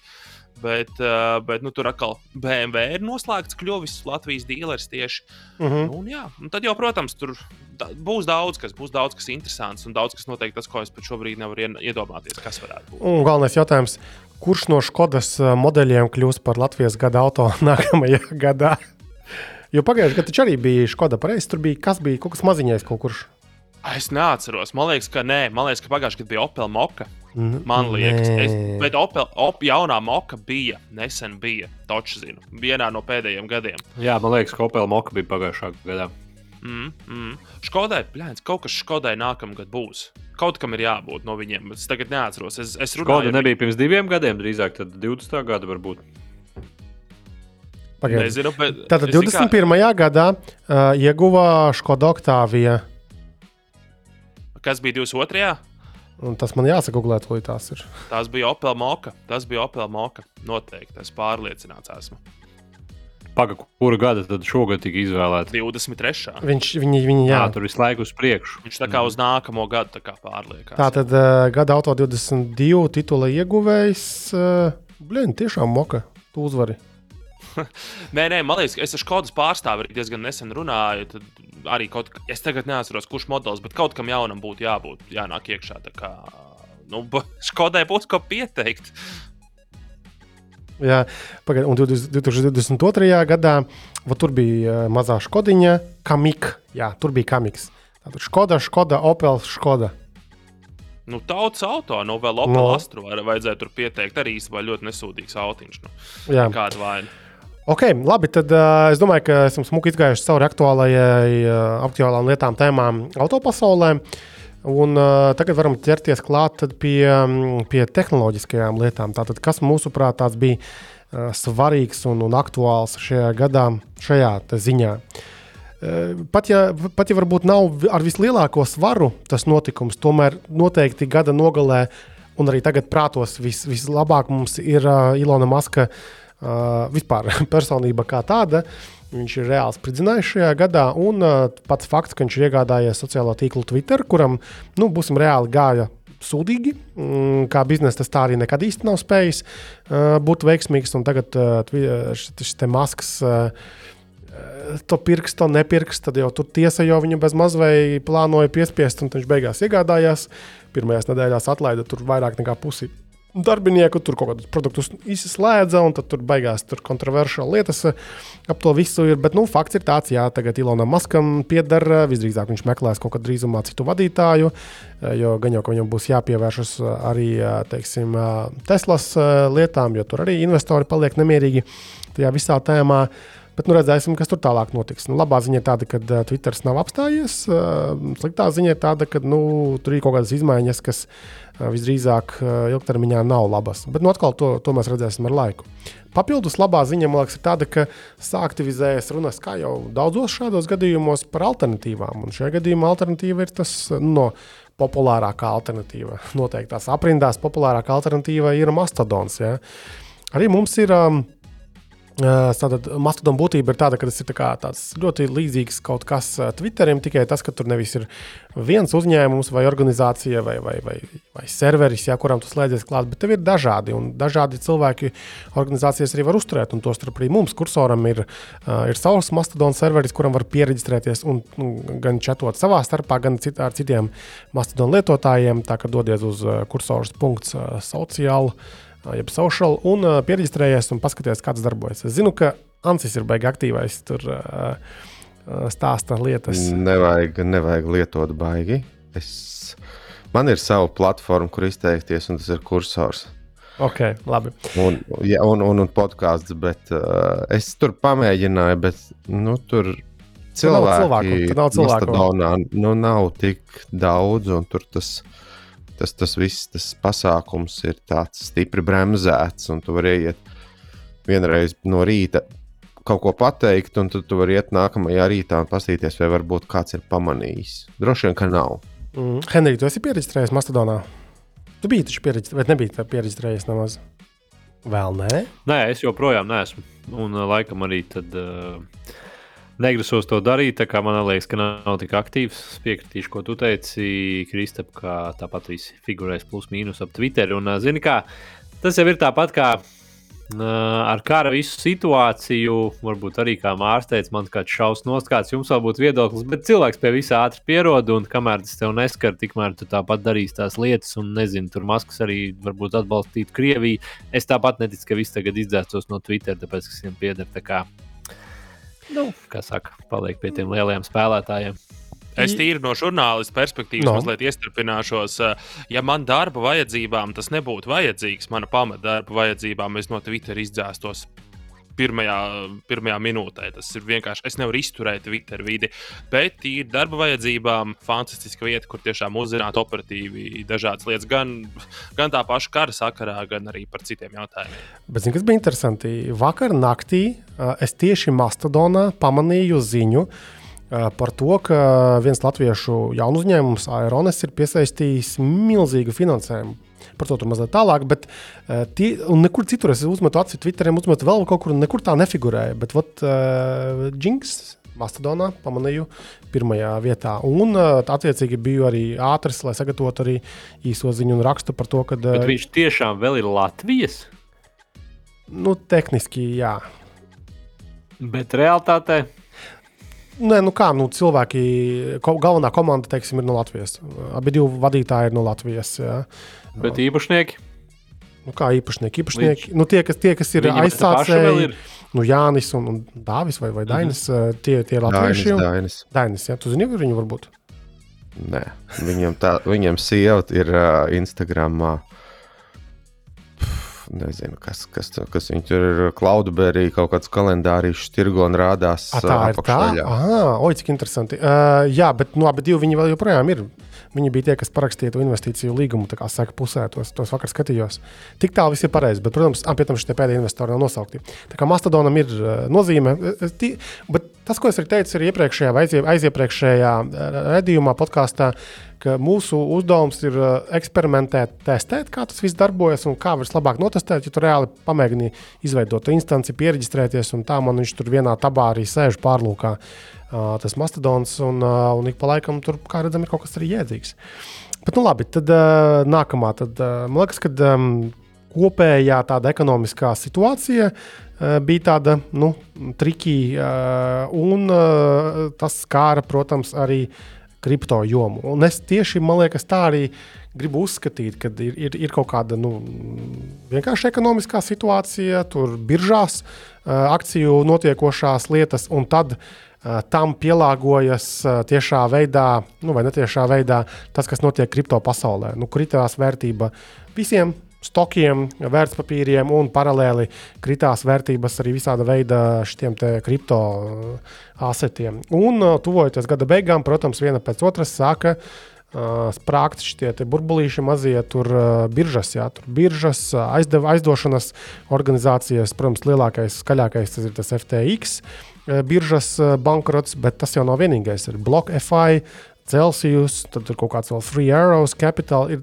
viena pēc otras, kas kopumā man liekas diezgan um, nu, no vienas puses patīra mm, to situāciju kopējo, no otras puses tur daļa cilvēku atkal kā, kā ierasts pazaudē naudu. Nu, kā jau jebkāda veida organizācijas uh, nosprāgšanas gadījumā. Bet es domāju, ka par to FTX un to vadītāju uh, Friedmanu mēs vēl dzirdēsim daudz un dikti. Gan jau, ka tur būs gan televīzijas šovi, jau, jau šobrīd noteikti jau scenāriji tiek uh, rakstīti grāmatas un, un, un filmas, un, un tas būs nākamajos gados. Tā kā tā. Um, bet kopumā vēl es arī vakar redzēju ziņu kaut kādu naktī. Ka, ja, ja, ja saliek kopā tādā vienā grafikā to, kāda veiktspēja ir bijusi kaut vai no pašam SP 500 indeksam, pret uh, Bitcoin vērtību vai uh, Ethereum uh, šo vērtību. Nav tā, ka vat, teiksim, akciju tirgus ir nogāzies un kripto turās, vai otrādi, ka vat, kripto ir nogāzusies, visi lēnītēm šļūts uz leju. Un tur ir atšķirības, ja tur nezinu, 5%, 10% apmērā, bet nav tā, ka tur viena asetu klase ir zemē un cita ir ļoti veiksmīga. Visi lēnītēm mēs šļūcam un visdrīzāk šī šļūkšana turpināsies arī nākamajā gadā, manuprāt. Kāds, kas, kāds jums skatījums uz kriptovalūtām? Tīrākā krāpšana. Uzvārās viens no miljona vai viens no daudziem miljoniem, un par viņu pēc tam arī tās grāmatas raksta. Nu, tu kādu laiku padzīvo, tev ir kaut kāda fantastiska ideja. Tu kādu laiku padzīvo lieliski Bahamu salās kopā ar, es nezinu, Viņam tā jauna kundze, nu, tieši kā to džeku tur sauc, Frīt, frīt, frīt nu, FTX. Jā, jā, tas Bankman Friedmans. Nu, jā, jā, es, es būtu izvēlējies drusku citu draugu. Viņam tā draudzene izstāsta pēc brīvdienas voblas. Jā, bet viņa ļoti gudra. Novo fans, protams. Uh, bet uh, viss tas ir pilnīgākā krāpšana. Viss ja tu, mē, ja tu domā, ka tu varēsi uz kaut ko iedzīvoties, tad iedzīvojas faktiski tikai daži. Man patīk, ļoti, ļoti interesanti tas, ka nu. uh, nu, tā, kriptovalūtu šis viss pasākums, viss tirgus, nu, jebkas, pilnīgi nekā nav regulēts. Tikko kāds tiek apčakarēts, tā uzreiz ir uh, uh, visi šie banku uzraugi klāt un sāks tiek kratīt ar pirkstu. Nu, kur, viņi, kur viņi bija agrāk? Runājot par to pašu FTX, viņiem bija kaut kāda daļa mm, viņu darbības, bija drusku regulēta. Amerikā arī Un tā daļa, kas bija regulēta, tie līdzekļi, kas bija tie regulētajā daļā, tur cilvēki varēs atgūt tos līdzekļus. Tieši bija, bija kaut kāda ziņas lasīju tieši par to, ka vot, redzam, ka regulācijai ir kaut kāda nozīme. Savukārt, viss, kas ir tas neregulētais, skaistais un rožainais, nu, tur visdrīzāk tos līdzekļus savus vairāk arī nekad neredzēsi. Vēl kripto sakrā tāda interesanta ziņa bija tāda, ka uh, bija kaut kāds periods um, gada otrajā pusē, kad uh, ar diezgan uh, tādu nu, īsu laika sprīdi uh, viens no otra uh, ļoti kaut kādi tādi baigi turīgi, uh, kaut kādās aprindās zināmi. Šie kripto miljardieri vienkārši atmeta pedāļus viens pēc otra, kad trīs gabali bija. Un tad bija arī beigās spekulācijas, ka patiesībā viņi tur nezinu, tika izmantoti kaut kādās noziedzīgajās schēmās, kā naudas atmazgāšanai. Jo tas, kas ir neregulēts, visdrīzāk arī tiek izmantots visādām tādām lietām. Un, un, un, un tas, ko cilvēki nesaprot, tad ir schēma pēc schēmas. Nu, tur, tur, tur ir daudz tik visāda trešā ap to visu. Tāpat kā parastajai fiat naudai, nu, taču arī nu, Tikai atšķirība tāda, ka, ja tu neesi pavisam šeit lietās, tad vismaz kaut cik regulēts un vismaz kaut kāda tā drošība ir nu, kaut kādā mērā, lai gan mūsdienās viss ir relatīvs. Uh, jā. un tad, protams, vēl ir kaut kāda maza daļa ar šiem te nu, trūkumiem. Uh, kripto, kripto zinātājiem, kuri kaut kādu tur saskata jēgu tajā visā stāstā. Bet, diemžēl, man liekas, ka tas viss tas negācijas, tas krāpniecība un visi tie skemi reāli viņiem apdraud uh, nu, reputāciju un, un, un, un ikdienu un ietekmē ārkārtā. Nu, es skeptiski raugos joprojām uz to visu. Tieši ikdienā ziņojot, nu, redzot, cik viss ir slikti. Vēl es skeptiski uz metaversu raugos. Nu, atkal visi runā, no tur metaversā, tas metaversā, šī tā. Kur bija ziņa, ka L'Oreal sadarbojas ar kaut kādu tur kompāniju. Uh, lai kopā taisītu kaut kādus avatariņus uh, skaistākus. Ja? Tad, tur, protams, Facebook, meta uh, stāsta par tām lietām, kas viņiem tur tajā metaversā būs. Un, uh, pagaidām es neesmu tā īsti dzirdējis un redzējis kaut ko, a, kāpēc mums to vispār vajag tā īsti. Tā jau noteikti ir ar daudzām lielajām, modernajām lietām, bet, bet kur tas pielietot. Zini, kā tur ir SCA? Es atceros, tieši skatījos šo tēmu. Gribēju papildināt, ka bija tas MetaQuest Pro, ko mm -hmm. viņi te rudenī e, izziņoja, un cik tur kaut kas 150 tūkstoši bija Accenture nopircis. Tur laikam jāpiekrīt. Es arī vēl paklausījos, ko citi uh, satura veidotāji saka, ka viņi nu, šādā veidā ir nostīstījuši cenu tālāk. Šitie biznesi varbūt kaut ko no tā izmantos. Protams, visticamāk, jau ka baigi nepalaidīs uh, oficiālu vienreiz. Pa, Pakaifos un droši vien ikdienā no tā tiešām pilnīgi nekāda jēga nav. Viens super adaptīvais darbinieks to lietos. Nu, tad varbūt viņi tīri tā, ka ir nostījis tehnoloģiju un, piemēram, 2023. un 2024. gads jau varētu būt vairāk AR zīmē. Tas, ka mēs atskatītos pēc gada diviem, kad tas vienkārši attīstīs virtuālo realitāti vai papildinātu realitāti. Nu, tas ir tāds skatu nākotnē, varbūt pat no tehniskās puses, nekā no tā paša metaversa kā tāda, bet no visām brillēm. Jāsagaida, jāsagaida ko Apple šajā, šajā jomā parādīs. Nu, nu, kā baumo, jā, ja būs, tad būs redzēs. Bet atkal, kā, no otras puses, beigās atcerēties nevajadzētu, jo nu, jā, viņiem ir tur tie AR kiti un, un kā to saucās tehnoloģijas, bet tā kā baigi kaut kas būtu tur taisīts, līdz šim tā nav. Un vai mūsdienās var pēkšņi izlaist kaut kādu ierīci un bams, tas visu maina tā uzreiz. Tas man liekas, ka nenotiek tik ātri. Bet, nu, nu, es Apple gadījumā arī es pat esmu pārsteigts, ka viņiem to vajag. Bet, nu, tā jau paskatīsies. Apple jau nēstās bez skaistas prezentācijas šito te visu tad jau kaut kādu pielietojumu arī atradīs. Jā, tā kā nu, vēl, vēl ir jāgaida uz to metaversu. Runā, visi runā par to visu, bet šobrīd jēgas no tā nav absolūti nekādas. Tik cik varbūt papelnīt uz to, ka tu kaut ko tajā virzienā mēģini radīt vai, vai, vai, vai taisīt. Um, vēl drusku, nu jā, ok, man liekas, ka vēl par to tirgu, tirgu runājot un, un, un kopējo situāciju ekonomisko. Uh, bija tas, tas uh, gada otrās puses, um, gada nogales notikumi, šie lielo tech kompāniju darbinieku atlaišanas, uh, nu, tā kā big tech layoffs. Ja, tur bija mākslinieks kopā mākslinieks vairāk nekā 150 tūkstoši inženieru, tika atlaisti no visām šīm lielajām kompānijām, Facebookiem, uh, Metas, uh, Amazon un, un, un kā tik ne no visiem lielajiem. Un, un, un tur tas skaidrojums, arī mēs runājam par to jau kaut kurā epizodē, ka uh, vienkārši normalizējas. Tas pats Zakarbergs arī tā arī pateicis, jā, ka tā bija nu, viņa kļūda, ka viņš nu, overhairoja. Ja, ja par daudz cilvēku pieņēma tajās pandēmijas gados, un pandēmijas gadi bija tādi interesanti. Bija daļai cilvēkam bija tā čābīgāk, bet bija daļa cilvēku, kuriem viss bija ļoti labi. Tur naudu tērēt nav, kur naudas bez sava gala ir. Uh, un, uh, tāpēc, ka tur kaisījās ar to naudu apkārt. Un atkal tehnoloģija kompānijas, tīpaši tur visādi tur pelotoni, zūmi. Uh, Un viss pārējais eh, peldējās piķī tieši no akciju novērtējuma, jo visiem likās, ka viss tagad mēs tagad dzīvosim tikai šādi. Un tagad pelotonam ir tam uh, viedo trenižera ražotājiem nu, ļoti sūdīgi iet kā uzņēmumam, uh, bet visiem pārējām tehnoloģiju kompānijām arī tās valuācijas, ja novērtējumi ir baigi samazinājušies. Tā kā vis, visu tomēr tas uh, tirgus sakārto, noliek uh, vietās, un pēc lieliem kāpumiem parasti ir bedrītes, un tad atkal viss lēnītājiem uz kāpjas, burbulītis uz leju šļūcam. Un galu galā tie, kas ir zinoši inženieri, nu nekur viņi nepazudīs. Un tad tur bija, piemēram, Lietuvas mēģinājums, dīvainais, piesaistīt kaut kādus šitos te, tehnoloģiju inženierus. Es, es pilnīgi iedomājos, kā, kā cilvēks no kaut kādas, nezinu, San Francisco vai Silīcija ielējas, pērsies uz kaut kādu viļņu dzīvot un strādāt. Tikai nu, kāpēc ne? Skaisti, tur taču augsts. Skaists blondīns. Jā, lētāk. Tas gan, tas gan, tas gan. Bet augsti. Nu, tu īstenībā jau droši vien, ka viens no simt tūkstošiem varētu pielāst. Varbūt nedaudz, bet. Uh, bet kā, jau nav pieļams. Viņai arī, arī katrs šāds viens būs, būs labs. Viens, otrs, trešais. Un... Vajag darbu spēku ievest. Mm, jā, tā kā, tā kā tas viss normalizējas, un tas ir normāli. Uh, nav jēgas uh, no tādiem burbuļiem visādiem. Uh, tad, Ansī, tu esi skaties atzīmējis, ka tu par, par nokilotajiem produktiem, pakalpojumiem Google stadijā. Ir tāda lieta, nu, bija tāda lieta. Pagaidā, pagaidā. Paga. Par stadiju es neesmu to pierakstījis klāt. Stadija beigs savu dzīvi tikai janvārī. Tā kā tā. Bet izziņots, Un... Eh, nāve bija izziņota eh, šogad jau.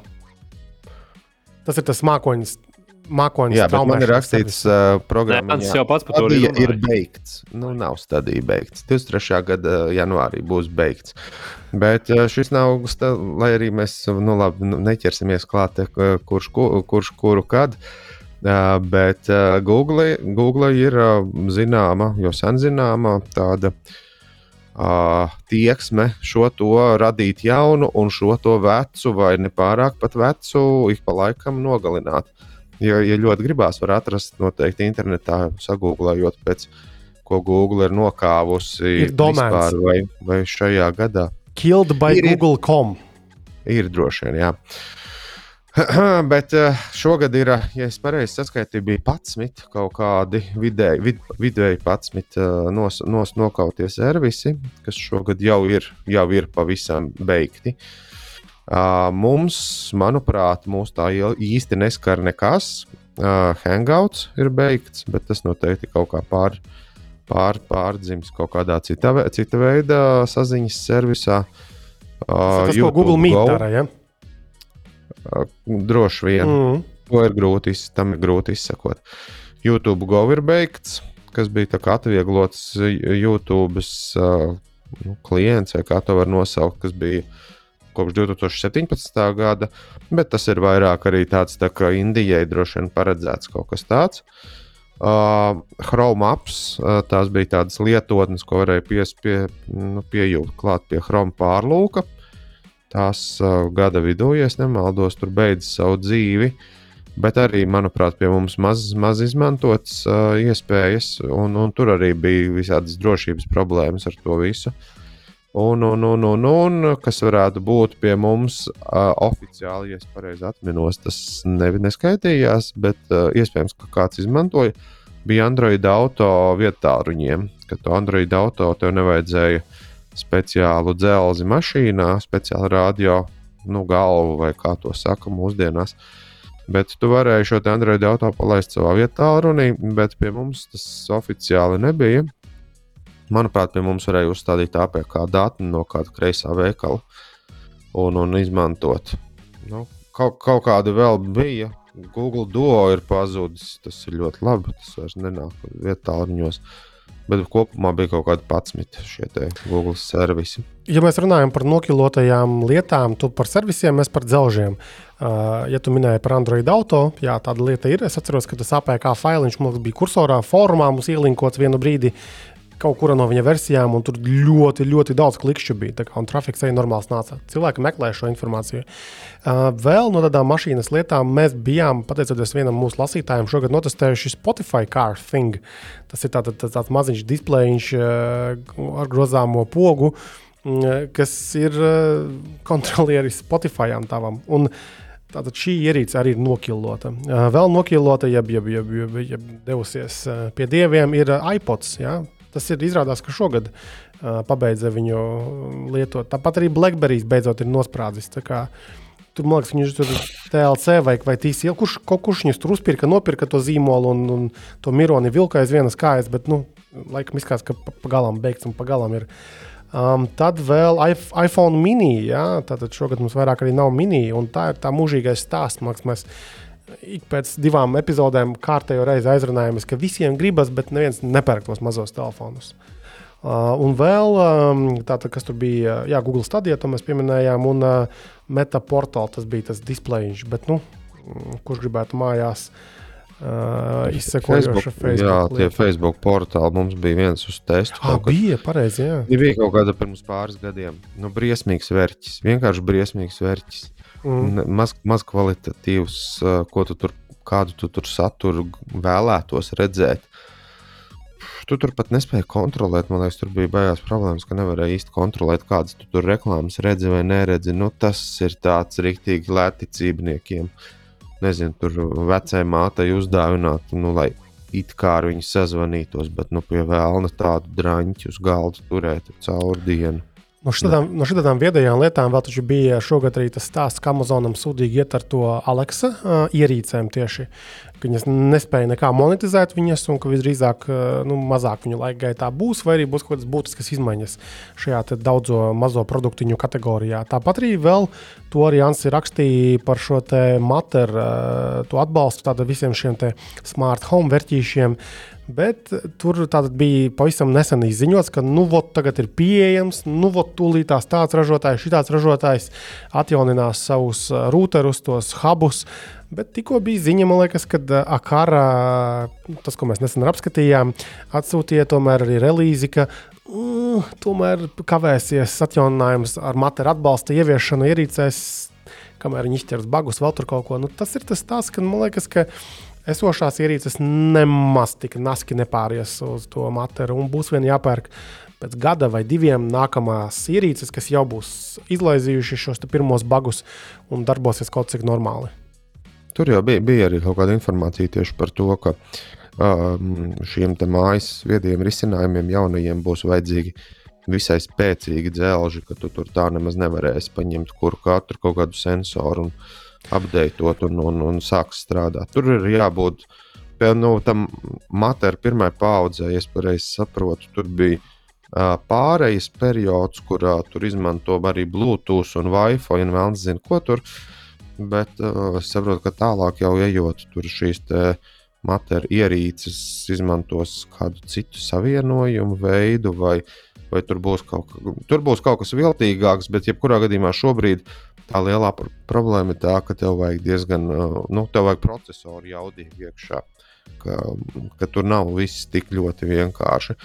Jo, ja es pareizi saprotu, es, es, es esmu vairākus, mēģinājis lasīt vairākus avotus, bet ir nu, grūti, grūti saprast un iedomāties, ko viņi tur saka. Bet, uh, nu, tā, cik es esmu nopratis, tam materam nevajag tādu mammas ierīci vārtēju. Tas tev, nu, tu, tev gandrīz jebkas tur varēs strādāt, sastrādāties kopā, un, un, un tev īsti pat nevajadzēs internetu, lai tas viss strādātu.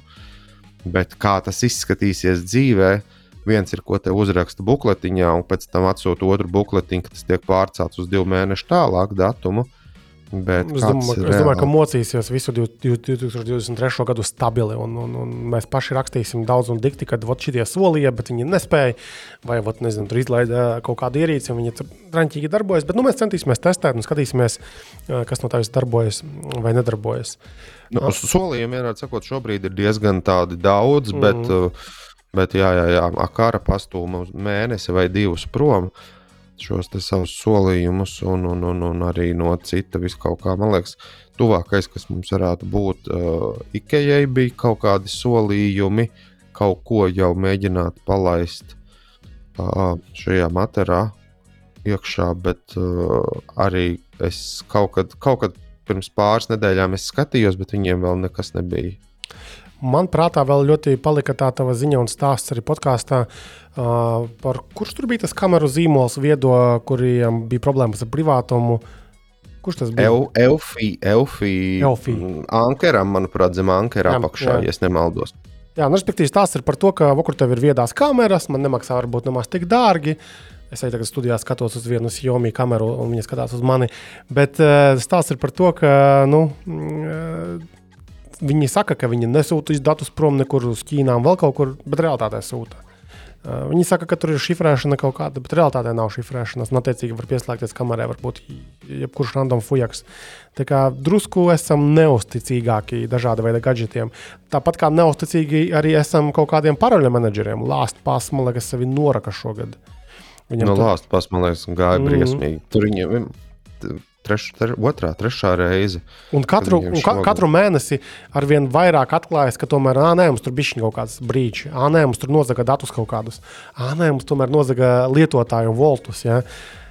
Par, no paroļu, menedžeri, menedžeri ir laba lieta, ļoti rekomendējama lieta, bet uh, skatāmies varbūt uh, to, kas ir sistēmās iebūvēti iekšā, nu vai nu tas uh, Apple keychains viņš saucās. Uh, Citās platformās citi ir risinājumi, nu, tie, tie būs vislabākie, bet, ja neapmierina, tad skatāmies tomēr uz tiem, kas vēl nav sašmucējušies. Nu, kursora komandā Bitvardens ir populārs, bet tāpat arī OnePasswords joprojām ir skaitās ok, un, un, un noteikti vēl tur kaut kāds dashlines vai kā viņš tur bija. Tā kā ir, ir tie risinājumi, un uh, esam prātīgi, esam skeptiski par tām tehnoloģijām. Jo viena lieta, ko sola ražotāji, bet otra lieta, kas, kas dzīvē darbojas tālāk. Tad mākslīgais intelekts bija šogad um, aktuāla tēma. Palielam visu to haļu rada OpenAI organizācija. Uh, un uh, pēdējo mēnešu tāds lielais notikums ir tas viņu uh, chat GPT, uh, tātad risinājums, kas ļauj čata jeb sarunas veidā Uh, organizēt sarunu, pieprasījumus, izteikt šim mākslīgā intelekta mašīnā mācīšanās modelim. Un, un atkal ir jūsmiņi parādījušies, kā viss tūlītās mainīsies. Protams, ka mainīsies kaut kas, kaut kad, kaut kā, bet ne šodien un ne rīt. Un, bet tā ir interesanta lieta. Ārkārtīgi daudz trešu liekas, būs internetā no šī, no šī visa, un deepfake, un, un, un šie vēl vis kaut kas. Jūs gaidāt? Uh, mākslīgo intelektu? Jā, kaut kādā mērā gaidu. Labprāt, gribētu līdzināt, vairāk palīdz kaut ko atslogo. Nu, kā tas vispār uh, integrēsies ar, uh, ar, ar ikdienas dzīvi. Es pat laikam vairāk to gaidu sakrā kaut kādiem robotiem, bet uh, nu, man, es kaut kā to vizu, vizualizēju no filmām. Bet uh, man patīk tas, ko Juris pagājušajā teica par tām uh, viltus ziņām, kas īstenībā varētu aktivizēties tīri tīri tādā ziņā, ka varēs saturu ģenerēt automātiski, un arī es redzēju, bija viens kaut kāds latviečs. Ietvītojas, ka īstenībā tas ChatGTP nesot jaudīgs, ka Google ir krietni jaudīgāks, Ķīnā esot krietni jaudīgāks un vispār izlaidīšot kaut kam tūlīt būs kaut kāda, ah, vai tam OpenAI pašam, vai kaut kam būs šo ceturtā versija, tagad trešā. Tā kā šis vēl tikai esot ziediņi, un tad īstais stāvs būs tās nākamās versijas. Kā... Saki godīgi, vai tu 2023. Mm -hmm. gadā izmantosi ChatGPT, lai uh, robots automātiski gatavotu tavas kursora ziņas. Nu, kā tu atbildi? Nu, skatoties no biznesa perspektīvas, īstenībā laba doma. Būs vēl mazāk laiks jāgulda. Zin, kā mēs varētu ieviest kategoriju, tā lai nav krāpniecība pret lasītāju, bet kaut kāda īpašā kategorija, kas ir nezinu, tehnoloģija aktualitātes sadarbībā ar ChatGPT. Nē, zinu, kas jau šeit sanāk, drīzāk tas jau norādīs uz to, ka veidosies un laikam jau ir kaut kādi blogu, blogi, jā, kur tev trafiku ģenerē tīri ar visādiem rakstiem. Jā, un, un man liekas, esot kaut kādu video kanālu YouTube, es dzirdēju, kur tikai taisot uh, AI, tikai video taisot. Pa lielam tu vari sākt kaut kādu trafiku dzenāt, pēc tam kaut kādas sadarbības meklēt savā ziņā jau tas. Bet tas ir var, ne, labs jautājums, vai tas skaitītos kā darbs, vai tas ir, um, nezinu, nu, uh, Kā, tas varētu līdzīgi vilkt ar Bitcoin. Pamats īsti nav, tu to netaisi, bet kāds cits tur taisa, pārkopēja citus tekstus, savienoja domu. Bet pa lielam trafiks ir cilvēks, kas sasniedz mārketingu, to var pārdot kādam uzņēmumam. Tā kā gan kāds paspējas nopelnīt šo. Šeit man ir jautājums īstam žurnālistam, no kuriem no, kur, no, kur no mums šeit ir viens tāds Māris Sēž. Uh, un tu tā kā arī par sportu raksti un stāsti, un, un es jau zinu, ka uh, jau gadiem sen ir, nu, toreiz viņas nesauca par fancy AI un neko tam līdzīgu, bet ir bijuši boti jau sen, kas gatavo automatizētā veidā spēļu rezultātu ziņas. Nu, jo tur to, to, to var... ir tā noteikti arī ar laika ziņām dara. Jā, à, ja? Tās ir lietas, jā, jā, to izmanto visas lielās ziņu aģentūras. Uh, teiksim, tīri skaitļi, komanda, vie, komanda A pret komandu B rezultāts tāds un šitāds. Uh, to, jā, protams, skaidrs, ka tur kaut kāda spēļu analīze un uh, viss pārējais, kaut kāds paplašināts izklāsts par to, kā līdz tam rezultātam nonāca. To stāsta cilvēks, pēc tam apraksta, bet tīri faktu konstatē lielās ziņu aģentūras to izmanto. Arī Latvijā, starp citu, ziņu aģentūra Leita to pielietoja, cik es zinu. Jā, un, un kā tu pats vispār skaties, kā žurnālists uz savu vietu zem šīs saules? Uh, nu, Zini, vai... Kā cilvēku beigu beigās jau tik un tā vajadzēs. Nekur tas cilvēks nepazudīs. Tā cilvēka iesaistās tehnoloģijas, mācīs jukt un brukt. Un mēs paskatāmies to pašu mobilī, kaut vai Rīgas satiksmes biļetes, lai varētu nopirkt autobusā. Tehnoloģijas nobeidzās, nu, un ir cauri. Un tieši tas pats attiecas uz darbu. Jo tā ir cilvēka radīta tehnoloģija. Cilvēks pats pēc savas būtības nav perfekts. Attiecīgi, arī tā tehnoloģija nevar būt perfekta un vienmēr. neviens robots, manuprāt, nespēs aizstāt kaut kādu cilvēcīgu analīzi, emocijas un, un tam līdzīgas lietas. Es arī tie... mūsu kaut kādus viedokļus, arī tagad kāds mums piekritīs, kāds mums nepiekritīs, teiks, ko jūs tam muldat, jūs idioti esat un tam līdzīgi. Kāds teiks, Džeki, jā, jūs pa lietu runājat. Tas, tas vienmēr tā būs. Nekur tas viss nepazudīs, es tā domāju. Es arī domāju, ka mākslīgiem intelektam būs ļoti grūti aizstāt to pašu ansi, piemēram. Ja? Un, un, un, un es arī iesaku mums 2023. gadā tomēr nezaudēt to uh, kursora slogana attieksmes daļu, brūnā šļura, un kas mums vēl tur ir bijis leģendārie teksti, ko cilvēki atceras uh, gadiem. Uh, uzņēmumi atceras gadiem, kas ir pieminēti šādā kontekstā. Klasiskā mēdījā šī muti palaist, laikam, arī nedrīkst. Ne? Nu, kā kurā mēdījā ir mēdīja, kur, uh, kur var, ir mēdīja, kur to nevar. Nu, tas viss ir atkarīgs no mēdīja politikas. Nu, Katrā mēdījā savs. Pot, ir mēdīja, kur podkāstos tiešām var, var brīvi runāt. Un ir tādi, kur ir uh, ļoti, ļoti ieturētam jābūt. Un tu vari mēģināt teikt, ko tu gribi, bet tas tik un tā arī apsekt caur puķiem.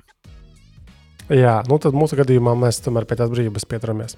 Skaidrs, ka arī nākamajā gadā būs daudz un dikti dzirdēsim, redzēsim uh, ziņas un notikumus par šo te, nu, mākslīgā intelekta lietām. Un man vairāk interesē, vispār dīvaini izklausās, bet man vairāk interesē, kādām sliktām lietām uh, to sāks izmantot. Uh, un tas būs interesanti domāt, kā cīnīties pret šo visu. Tas kaut kā tā man liekas, ne, nevis no labās puses, bet no bet no sliktās. Tad jau, jau it kā drusku ies, ieskicējām arī pašā sākumā pie lasītākiem kursoru rakstiem par tiem uh, Eiropas birokrātu sasniegumiem. Un šeit atkal man liekas, ka tieši pēdējā mēneša divu uh, Tie lielie notikumi, jā, kad ir beidzot vienojušies, ka būs tas USB Type-C standarts uzlādes un datu pārraides mobiliem ierīcēm un arī datoriem. Tu man Ansī no rīta rakstīji, ka, oi, kas tas par to testa Dellam ir tikai Type-C un nav ar normālie kā cilvēki Type-A iespraust lietas. Nebūs vairāk to tās Type-A vispār nekur. Nē, tas jau nenozīmē, ka tev ir jālādē ar, ar Type-C. Es domāju, ka aizvāksies vispār Type-A arī no kompjiem. Priekš kam viņam divi dažādi likt? Nu, varbūt lielajiem kaut kādiem gaming kompiem. Nu, tomēr salīdzinoši, es, es, es teiktu, protams, no man, tas ir mans pieņēmums, ka, mm, ka šie type A, kas ir vecais kantēnais, tomēr ir stipri izturīgāks par type C. Un, nu, ja tev kaut kas stāv zem galda, mētājas, ko tu tur uzkāpi vadam ar kāju vai ne tad nu, labāk, foršāk tomēr, lai viņš izraujas ārā, tāds taipei, nekā nolūst vai aizlūst kaut kāds taipsī. Nu, es, es nezinu, es, es neredzu ilgākā, nu, nezinu, varbūt, varbūt desmit gados tāds taipei izzudīs. Piecos. Nu, tāpat tā. Nē. Tu paskaties Nē. Apple lapā, Hedrijs noteikti zina no galvas. Vai tu vari nosaukt? Apple lapā ir jā, jā. viens labākais sportīvais dators, viņam nav uz šī tā Eiropa būs uzvilkusi uz savas mazās, bet uh, stingrās sardelītes par, gan par lādēšanu, gan par atvēršanu šiem kreisajiem storijiem. Tur vēl Apple dabūs vēl iekšā no šiem Eiropas trakuļiem, kuriem, kuriem nav ko darīt. Bet uh, es domāju, ka A tipa konteiners USB nepazudīs nu, ļoti ilgi. Bet uh, jā, tas, ko es gribēju teikt, tad Apple pusē reāli ir gandrīz viens vai, vai pusotrs dators, kuram vispār ir Type A palicis. Uh, visam pārējiem ir Type C. Nu, nav. Arī pat iMakiem vairāk nav Type A. Ir uh, Mac Studio, man liekas, uh, un Mac Mini var iesprāst. Viss, dan, vairāk nav no aktuāliem ierīcēm. Un, ja mēs izietam, uz MacBook Pro arī nevar. iMac, iMac M1. Nē, nē, man ir tikai Type HDMI. Lūk, Jā, uh, nevis pārdevis tādu. Nu, vēl, vēl nē, pa, pa, manu, pa manu piedāvāto cenu neviens beigi neraujas pirkt. Uh, bet, uh, nu jā, kā, tas par tām vēl baterijām, respektīvi, ka uh, birokrāti izdomājuši, ka do jābūt tur ir uh, utilizējamām, nomaināmām un ļoti interesanti, kā viņi to praktiski iedomājas, bet tikpat labi viņi var uzgrūst to domāt uh, ražotājiem, no domājiet. Ja? Uh, Kā, ot, nu, nu, nu, mēs jau tieši pagājušajā reizē par to runājām, arī apskats būs nākošais nedēļa gaisā. Jurģa par to Samsung Galaxy X cover 6 Pro, tātad šo vietālu, kuriem ir nomaināms akumulators, kas Latvijā varētu būt vienīgais tāds tāda kalibra vietālu, kuram ir nomaināms akumulatori. Lūk, vēl Starlinks ļoti aktīvi ziņās mums ir bijis šajā gadā. Tāda satelīta internets, Ilona Maska kārtējais projekts. Un tātad, te, te tādas svarīgās ziņas ir tas, ka tāda, ir palaists un izplatās pa pasauli šis pakalpojums, produkts. Latvija ir pilnībā noklāta šobrīd jau, un attiecīgi var pasūtīt to termināli un izmantot. Uh, Uh, par, par kaut kādiem 70 eiro mēnesī, vai cik tur to pakalpojumu internetā. Un uh, ir vairāk nekā miljons lietotāju visā pasaulē, kas sāk raisīt jau nu, kapacitātes jautājumus, nu, kad tur vairs nav tik ātri tie ātrumi, kā bija pašā sākumā. Tas ir vēl viens punkts, bet miljons lietotāju tas maksā diezgan daudz. Ir. Starp citu, nu, tik jaunam uzņēmumam, tik jaunam pakalpojumam, produktam. Un tas, ka Ukrainā ļoti, ļoti, ļoti noderīgs šis Starlink internets ir izrādījies uh, Mārija, tev ir ko komentēt šajā jautājumā? Tu tā pieķēries pie. Starlink, es, es gribēju piebilst, ka arī līdzsabiedrības uh, testē nu, izmantot šos termināļus savā lidmašīnās, kā to varētu lietot, lai nodrošinātu pasažieriem arī Wi-Fi lidojuma laikā. Es tagad neatceros, vai tā bija Delta vai kāda cita avio sabiedrība, bet, bet tas tiek izmēģināts tieši, tieši Starlinks lidmašīnās, lai būtu internets arī lidojumā bija arī tieši pretējā ziņa, ka es tagad negribu, es, es, es izlasīju, bet mēs nes, liekas, nesataisījām ziņu par to, ka nu, šis Starlings tiek uzskatīts par, nu, par bīstamību savu veidu, ka tas ir vien, atkal viena mūģa rokās. Nu, viņš sev pierādīs pēdējā laikā kā mūdzi visticamāk. Uh, viena mūģa rokās ir diezgan liels spēks, ka, ka, ka Eiropa pirmkārt ir do, arī sākusi domāt par uh, savu šo līdzīga veida internetu servisu, kas gan pamatā būs uh, valdības uh, dažādām vajadzībām un, un, un armīniekiem. Bet bija arī par, uh, par privātajiem šiem lidojumu nodrošinātājiem, kā arī viņi paši domā šaut augšā savējos satelītus, lai nebūtu atkarīgi tieši no Starlinka. Kas, manuprāt, protams, ir ārprātīgi dārgi, bet nu, šis ir skatoties, kā Maskis tur ņemās par Twitteri, par Ukrajinu, par ASV. Nu, tas ir ļoti saprātīgi. Nu, laiks rādīs, bet, uh, jo tagad ir noderīgi un redzēsim, kas tur tālāk arī attīstīsies un uh, notiks ar šo satelītu internetu.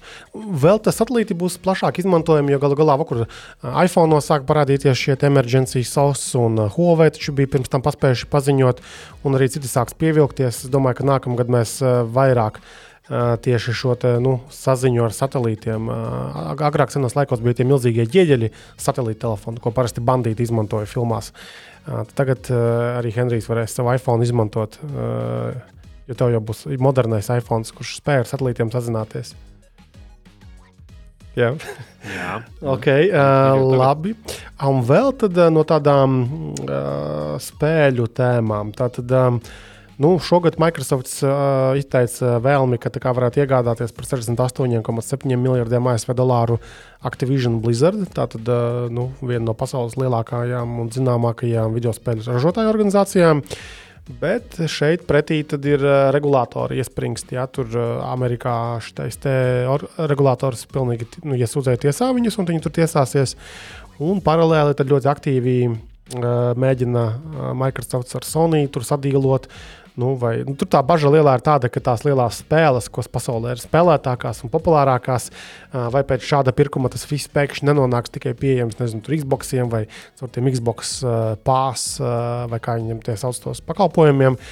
Nu, vai monopāls stāvoklis, Gamepās. Ja? Un, uh, nu, kā, vot, tur ir jāpierāda Microsoftam, ka nē, tā mēs nedarīsim, ka tur, nezinu, tur desmit gadus liekas, viņi paši saka, ka mēs piedāvāsim arī citām platformām. Uh, Bet, principā, tas ir tāds milzīgs pirkums, eh, un eh, acīm redzot, ar ļoti tālu skatu nākotnē. Tas nozīmē, ka tās video spēles ir šo kompāniju prātā. Nu, nu, ne gluži bērnu autiņos, bet ar pietiekami lielām izaugsmas iespējām, tie finansiāli un galu galā tur visi eksporti attīstīsies. Vēl. Tur diezgan daudz naudas visdrīzāk vēl ir apkārt par un ap tām spēlēm. Jā, video spēle var arī biežāk pārdot konsoli, jo pasties tagad izlaiž kā sanāk. Nu, reiz piecos gados tas cikls varbūt septiņos, bet spēle jau mm. laiku var kaut ko atjaunot. Nedrīkst Microsoftam, nezinu, manuprāt, Microsoftam dot neko nedrīkst, lai viņi paši sēž un izstrādā savas lietas. Bet tikko kaut kas nonāk pie Microsoft, tāds tiek sačakarēts. Skype, Uh, tā spēlīte ne Roblox, bet uh, Minecraft, um, Windows Phone. Tur viņi paši nolohojās ar savu produktu, nokavēja un tur nenovērtēja iPhone. Es domāju, ka var mierīgi, pasēžot internetā, desmit minūtes, var mierīgi nosaukt vēl vismaz nu, piecas lietas, ko Microsoft ir sačakarējis līdzīgi. Manuprāt, viņiem dot nedrīkst. Tur var būt, protams, citi apsvērumi, bet, eh, bet Microsoftam kaut ko iedot, tas ir, tas ir noraut podā. Bet manuprāt. Eh, reizē no otras puses raugoties, manā skatījumā, Microsoft ir viena no pasaulē labākajām ne tikai tehnoloģiju kompānijām, bet vispār kompānijām kopumā. Un uh, arī veiksmīgākajām tīri biznesa ziņā, un uh, pensijas uh, uzkrājumus var veidot, ieguldot viņos, manā skatījumā. Jā, tas ir superīgi, bet uh, ja viņi paņem un sačakarē ļoti, ļoti populāras lietas, tad ir škrabīta. Tad ir baigi. Tas darījums jau nav apstiprināts. Tur jau var jā, tur, jā, bet tur bija arī, tur bija arī ar, ar Nintendo jau bija baigā rīvēšanās tieši par šo te, ka viņi bija jau bija mm, tieši. Es, ne, es neatceros, kas tās bija pa spēlēm, bet eh, no Activision Blizzard. Viņi jau bija gandrīz piesolījuši, ka tūlīt būs, dosim arī switcham to visu un ņemiet, ņemiet, ka tik mums iedod iespēju apvienoties. Tieši tā. Nu, tur tur kaut, kaut kā tur tas viss izklausās baigi slideni. Kaut ko viņi tur grib izmuhļīt, kaut kas tur beigās būs, kas būs uzrakstīts mazajiem burtiņiem, vai nebūs uzrakstīts pavisam. Ko kāds nebūs pamanījis, ko kāds nebūs izdomājis pirms tam. Tur kaut, kaut kas, man, man tā lieta viss, viss neizskatās nu, tīra. Microsoft varbūt viņi nav tik ļoti gudri, bet man ir bail, ka viņi kaut ko sačakarēs. Nu, simt punktu viņi kaut ko sačakarēs, vai, vai gribot, vai negribot. Okay, jā. ja mēs par video spēlēm vēl runājam, tad tagad tikko bija izziņots arī Steam platformas. Uh, Best of 2022, tātad populārākās, pārdotākās un spēlētākās video spēles. Un jā, tātad vispārdotākās ir Counter-Strike, šis Global Offensive, uh, Call of Duty, tas, kas ir tieši Blizzard spēle, uh, Modern Warfare un uh, PUBG Battlegrounds. Tā tās ir top 3 vispelnošākās, vispārdotākās šajā platformā spēles. Un Steam arī ir nu, liekas, joprojām vislielākā platforma, kur tas viss tiek pirkts. Bet turpat topā ir arī trešajā. Yu-Gi-Oh! Yu-Gi-Oh! Tur kaut kur tālāk. Apex Legends. Uh, Uh, tad ir uh, kaut kāds Naraka, Blade Point, ko es pat nezinu. Elden Ringu zinu, Dota 2 zinu, Destiny 2 zinu, nu, ka tāda spēle ir. Un tad ir Lost Ark, uh, Dying Light. Nu, tas ir tas tops uh, no pārdotākajām. Savukārt no spēlētākajām uh, spēlēm. Interesanti, kas ir spēlētāji. Ah, tur bija, tur, man liekas, bija Destiny un, un, un uh, Yu-Gi-Oh! un futbola spēles. Nu, tur jau arī viss ir. Tur ir traki. Pagaidiet, pirmajā vietā viņam kaut kāds gūs, gūs, dak. What the fuck, kas tas ir? Pēc tam kaut kāds Jugio, tas ir tas Master Duel ar otrajā vietā. To tu vismaz zini, tu spēlēji. Ja? Nē, to es sen spēlēju. Es par biju šokā, ka viņa bija tik augsta. nu, Savulaik es spēlēju, bet droši vien tā nav tā pati, kas, kas, kas tagad. Dota 2 ir trešajā vietā, Call of Duty 4. Lost Ark ko es pat nezinu, ir uh, nākamajā vietā. Nu, un tas pats Counter-Strike arī. Jā. Mm, tā jau tās pašas šoviem pa lielam bija. Tur mm. GTA joprojām, protams, un kur, un kur ir farming simulators? Kā neredzu, tā neredzu. Nu, Kur ir tavs ieguldījums farming simulatorā? Man atsūtīja mailu. No. Visi, visi sūta uh, servisi, kad uh, šo year in review, un tad, tur bija redzams, jā, ka uh, mana vispēlētākā spēle šajā gadā ir uh, farming simulators. Nu, loģiski, tā bija vienīgā spēle, ko es spēlēju. Un tā kā man ļoti īsu brīdi, man tur bija laikam kompis uh, tajā momentā, tad kaut kāds, nezinu, tur 18 stundas es biju paspēlējis. Viņu visu ar to man visa spēlēšana arī beidzās. Top spēle manā uh, bibliotekā. Uh, Lūk, uh, tas ir par video spēlēm. Nu, redzēsim, kas tur nākamgad būs. Kā pieaugušiem cilvēkiem maz laika spēlēt. Ir, tā. Uh, tā, mēs pagājušajā reizē ar Jurģiju aktīvi izdiskutējām cauri viņa subjektīvāko uh, topu. Nu, kā subjektīvāko? Zin, kā, var jau domāt, ka tur beigas objektīvi tiek vērtēts, bet ir kaut kāda subjektīva, subjektīvā skatījuma arī daļa. Nu, mēs balstījāmies uz tiem datiem, kas ir. Um, Mūsu apskatos visos, jo mēs analizējām, salīdzinājām ierīces, kas ir apskatītas. Un, tā kā mums ir pietiekami daudz apskatītu telefonu šajā gadā bijuši, tad nu, man liekas, ka normāls arī tops. Tāpat mēs aktuālās ierīces. Te šeit, protams, ir ļoti kvēlis kūpsti arī Laurim, kuram bija viņa nu, objektīvi, subjektīvais tops. Tā kā arī viņam ir video par, par šo salīdzinājumu. Man liekas, ka diezgan normāli rezultāti. Uh, Uh, Man liekas, ka viņš, viņš bija ieklīdis tik, tik, tikko es nepaspēju noskatīties. Šodien parādījās uh, digitālajās brokastīs, vai arī, kā tur tā raidījums jā, sauc. Jā. Viņš jā. tur arī bija ieklīdis ar savu viedokli, kas noteikti nav objektīvs. Nu. Es nenoskatījos, es vispār nevienu mirkli nenoskatījos. Bet, Henriks, noskatījos. Man ir viedoklis. Jūs atsapāties par to viņa komentāru. Es neuztveru tā kā jūs, piemēram. Jā, nē, nu kā nu mēs jau neuztveram, mēs jau jauki. Buča sūtam. Lūk, tā kā noskatāmies arī to video, cilvēks ir veltījis darbu, ieguldījis un kāds ir viedoklis arī, arī, arī viņa ir vērā ņemams. Bet bija tāds arī labs top 20 telefonu apkopojums GSM RNA, kas ir liekas, tāds OG datubāze ierīcēm un ko arī mēs aktīvi izmantojam savā darbā. Un tur jā, nu, viņiem visnovērtētākais Samsung Galaxy S22 Ultra 5G Kurš testēja no mums Anci, tu to telefonu Ultra? Ne? Kurš Nē, testēja? man, tas bija Jurģis. Jā, okay. jo, jo tas arī mums bija. Mums, viņš nebija pirmajā vietā, liekas, bet, bet kaut kur augšā tas telefons bija. Nu, kā viņš ir jaudīgs, makans, nu, ko tu gribi? Nu, viņš tur... bija otrais, man liekas.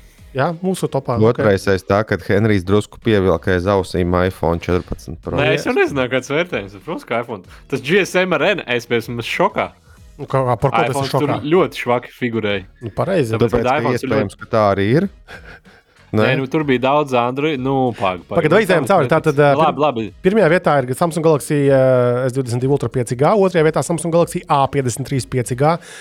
Fenomenāli uh, plaši runāts, man liekas, pirkts, prasīts telefons. Tā kā reāli visi, kas meklē midrange, arī kaut kādu Galaxy A53. Vot visur. Ja? Uh, trešajā vietā viņiem ir uh, Xiaomi Redmi Note 11. Arī ļoti dzirdēts modelis, mākslinieks mums bija tests arī viņam. Uh, tad tālāk ir uh, 4. vietā Samsung Galaxy S21 FE. Uh, 5G tu kur lietoji? Nu, tu es nepiekritīšu. Es viņu kādu mirkli lietoju diezgan. Es teiktu, ka tas bija tev. Uh, kā piedod, es nedzirdēju, kāda ir tā līnija. Tas telefons bija vai kas tur bija? Nē, manuprāt, tur bija tas telefons bija uztaisīts pārāk plāns. Nu, es teiktu, ka bija diezgan švaka, švaks akumulātora darbības laiks. Tur bija iekšā 8, 8, 8 Snapdragons, kas šķita nu, tāds tā kā downclockots, manuprāt, grūti pateikt. Nu, ne, nebija tur īsti tās jaudas, ko es biju gaidījis. Uh, manuprāt, diezgan kaut kas nebija labi ar, ar ekrāna aizsardzību. Diezgan ātri skrāpējās, lai arī es teiktu, ka es biju ļoti nu, tāds uh, nu, - maigāks kā parastiem. Maiks bija saudzīgs. Maiks.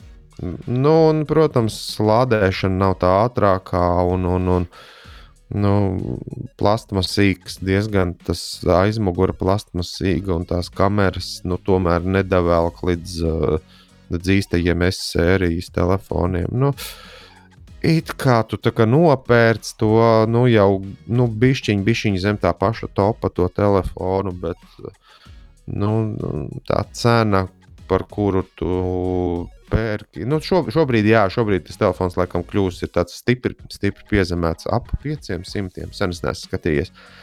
Bet nu, to, ar ko viņš startēja, ap kaut kādiem 700, nu, tas bija, manuprāt, nu tad, tad, tad vai, nu, vai nu ņem Xiaomi, kas maksā pusi no tā, vai, vai saņemies un nopērc īstu. S22 kaut kādu ultra vai kaut ko tādu. Salīdzinot LV, Bet... var dabūt jau pa sākot no 466 eiro.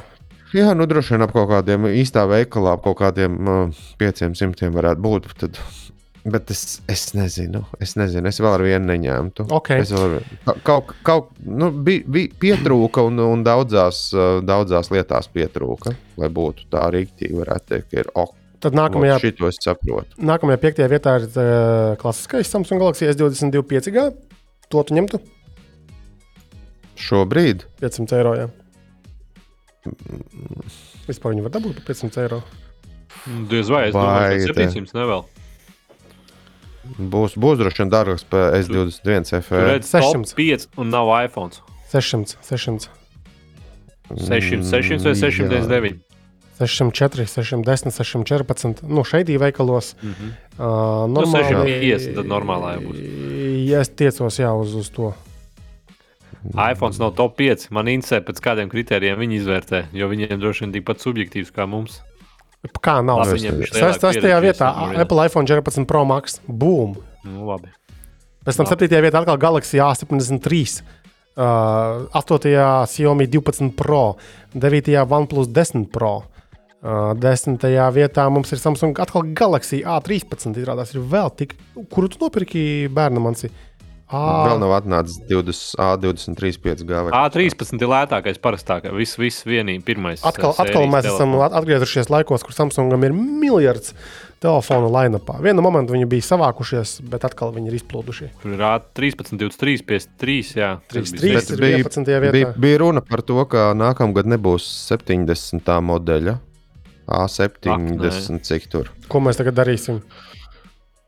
Nu, diezgan tomēr populāri. Nu, ko darīsim? Neko Pirksim nedarīsim. Nu, Xiaomi. E- FE, FE nebūs, un, un 73. nebūs. Tur būs diezgan liels tas, tas gaps, ko, kur 23.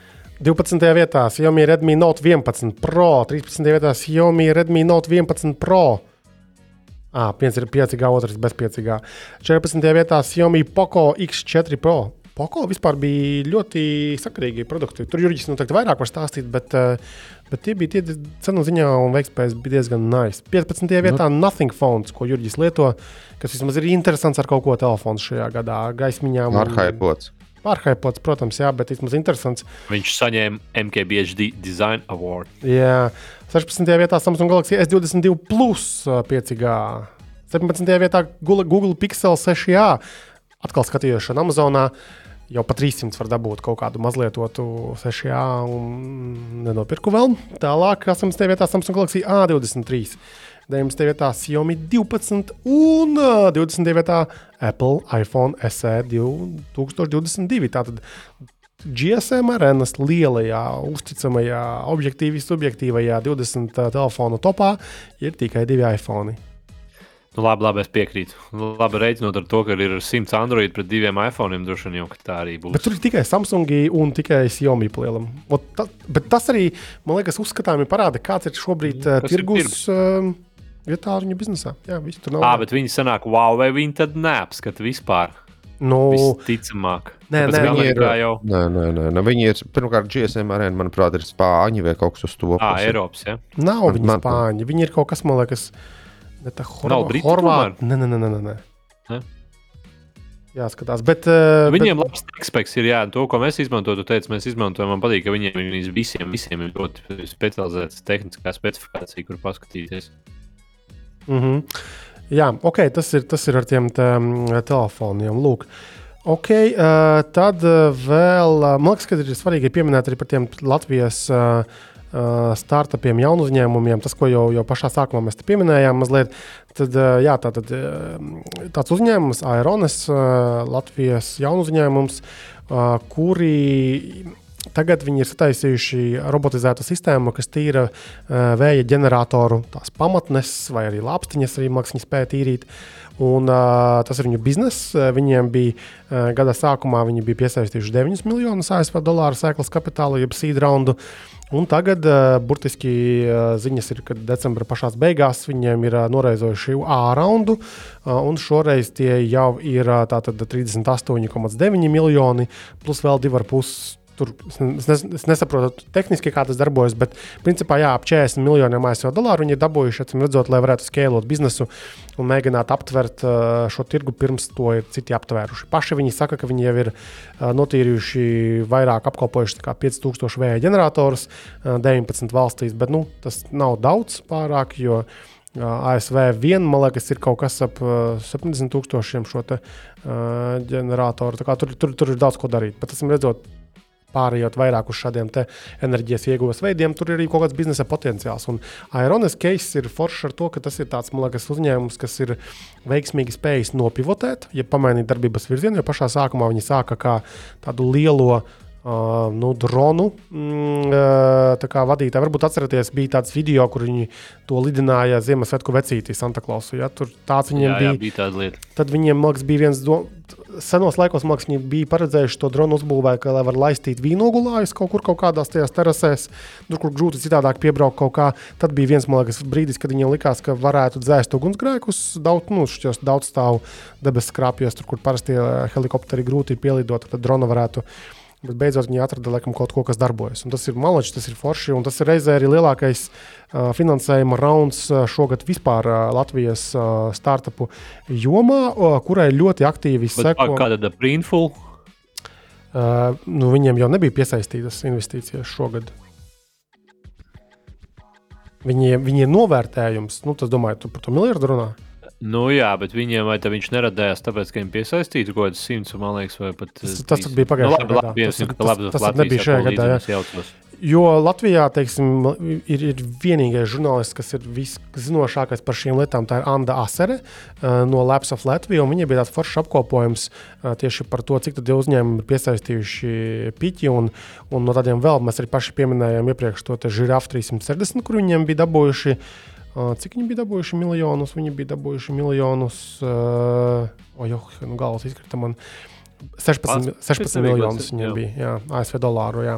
Uh, vēl tad, teiksim, par šiem te top 5 lielākiem investīcijiem darījumiem Latvijā kaut kādu juridisko tehnoloģiju jaunu uzņēmums Euro. Uh, B-raundā piesaistīja 23 miljonus uh, dolāru kaut kādas pārlūku programmā balstītās līguma automatizācijas platformas attīstīšanai. Uh, Par to es pat nebiju īsti dzirdējis, bet, nu, ok, labi. Jā, tad ir tas žirafa, ko mēs zinām, un mēs arī par to rakstījām.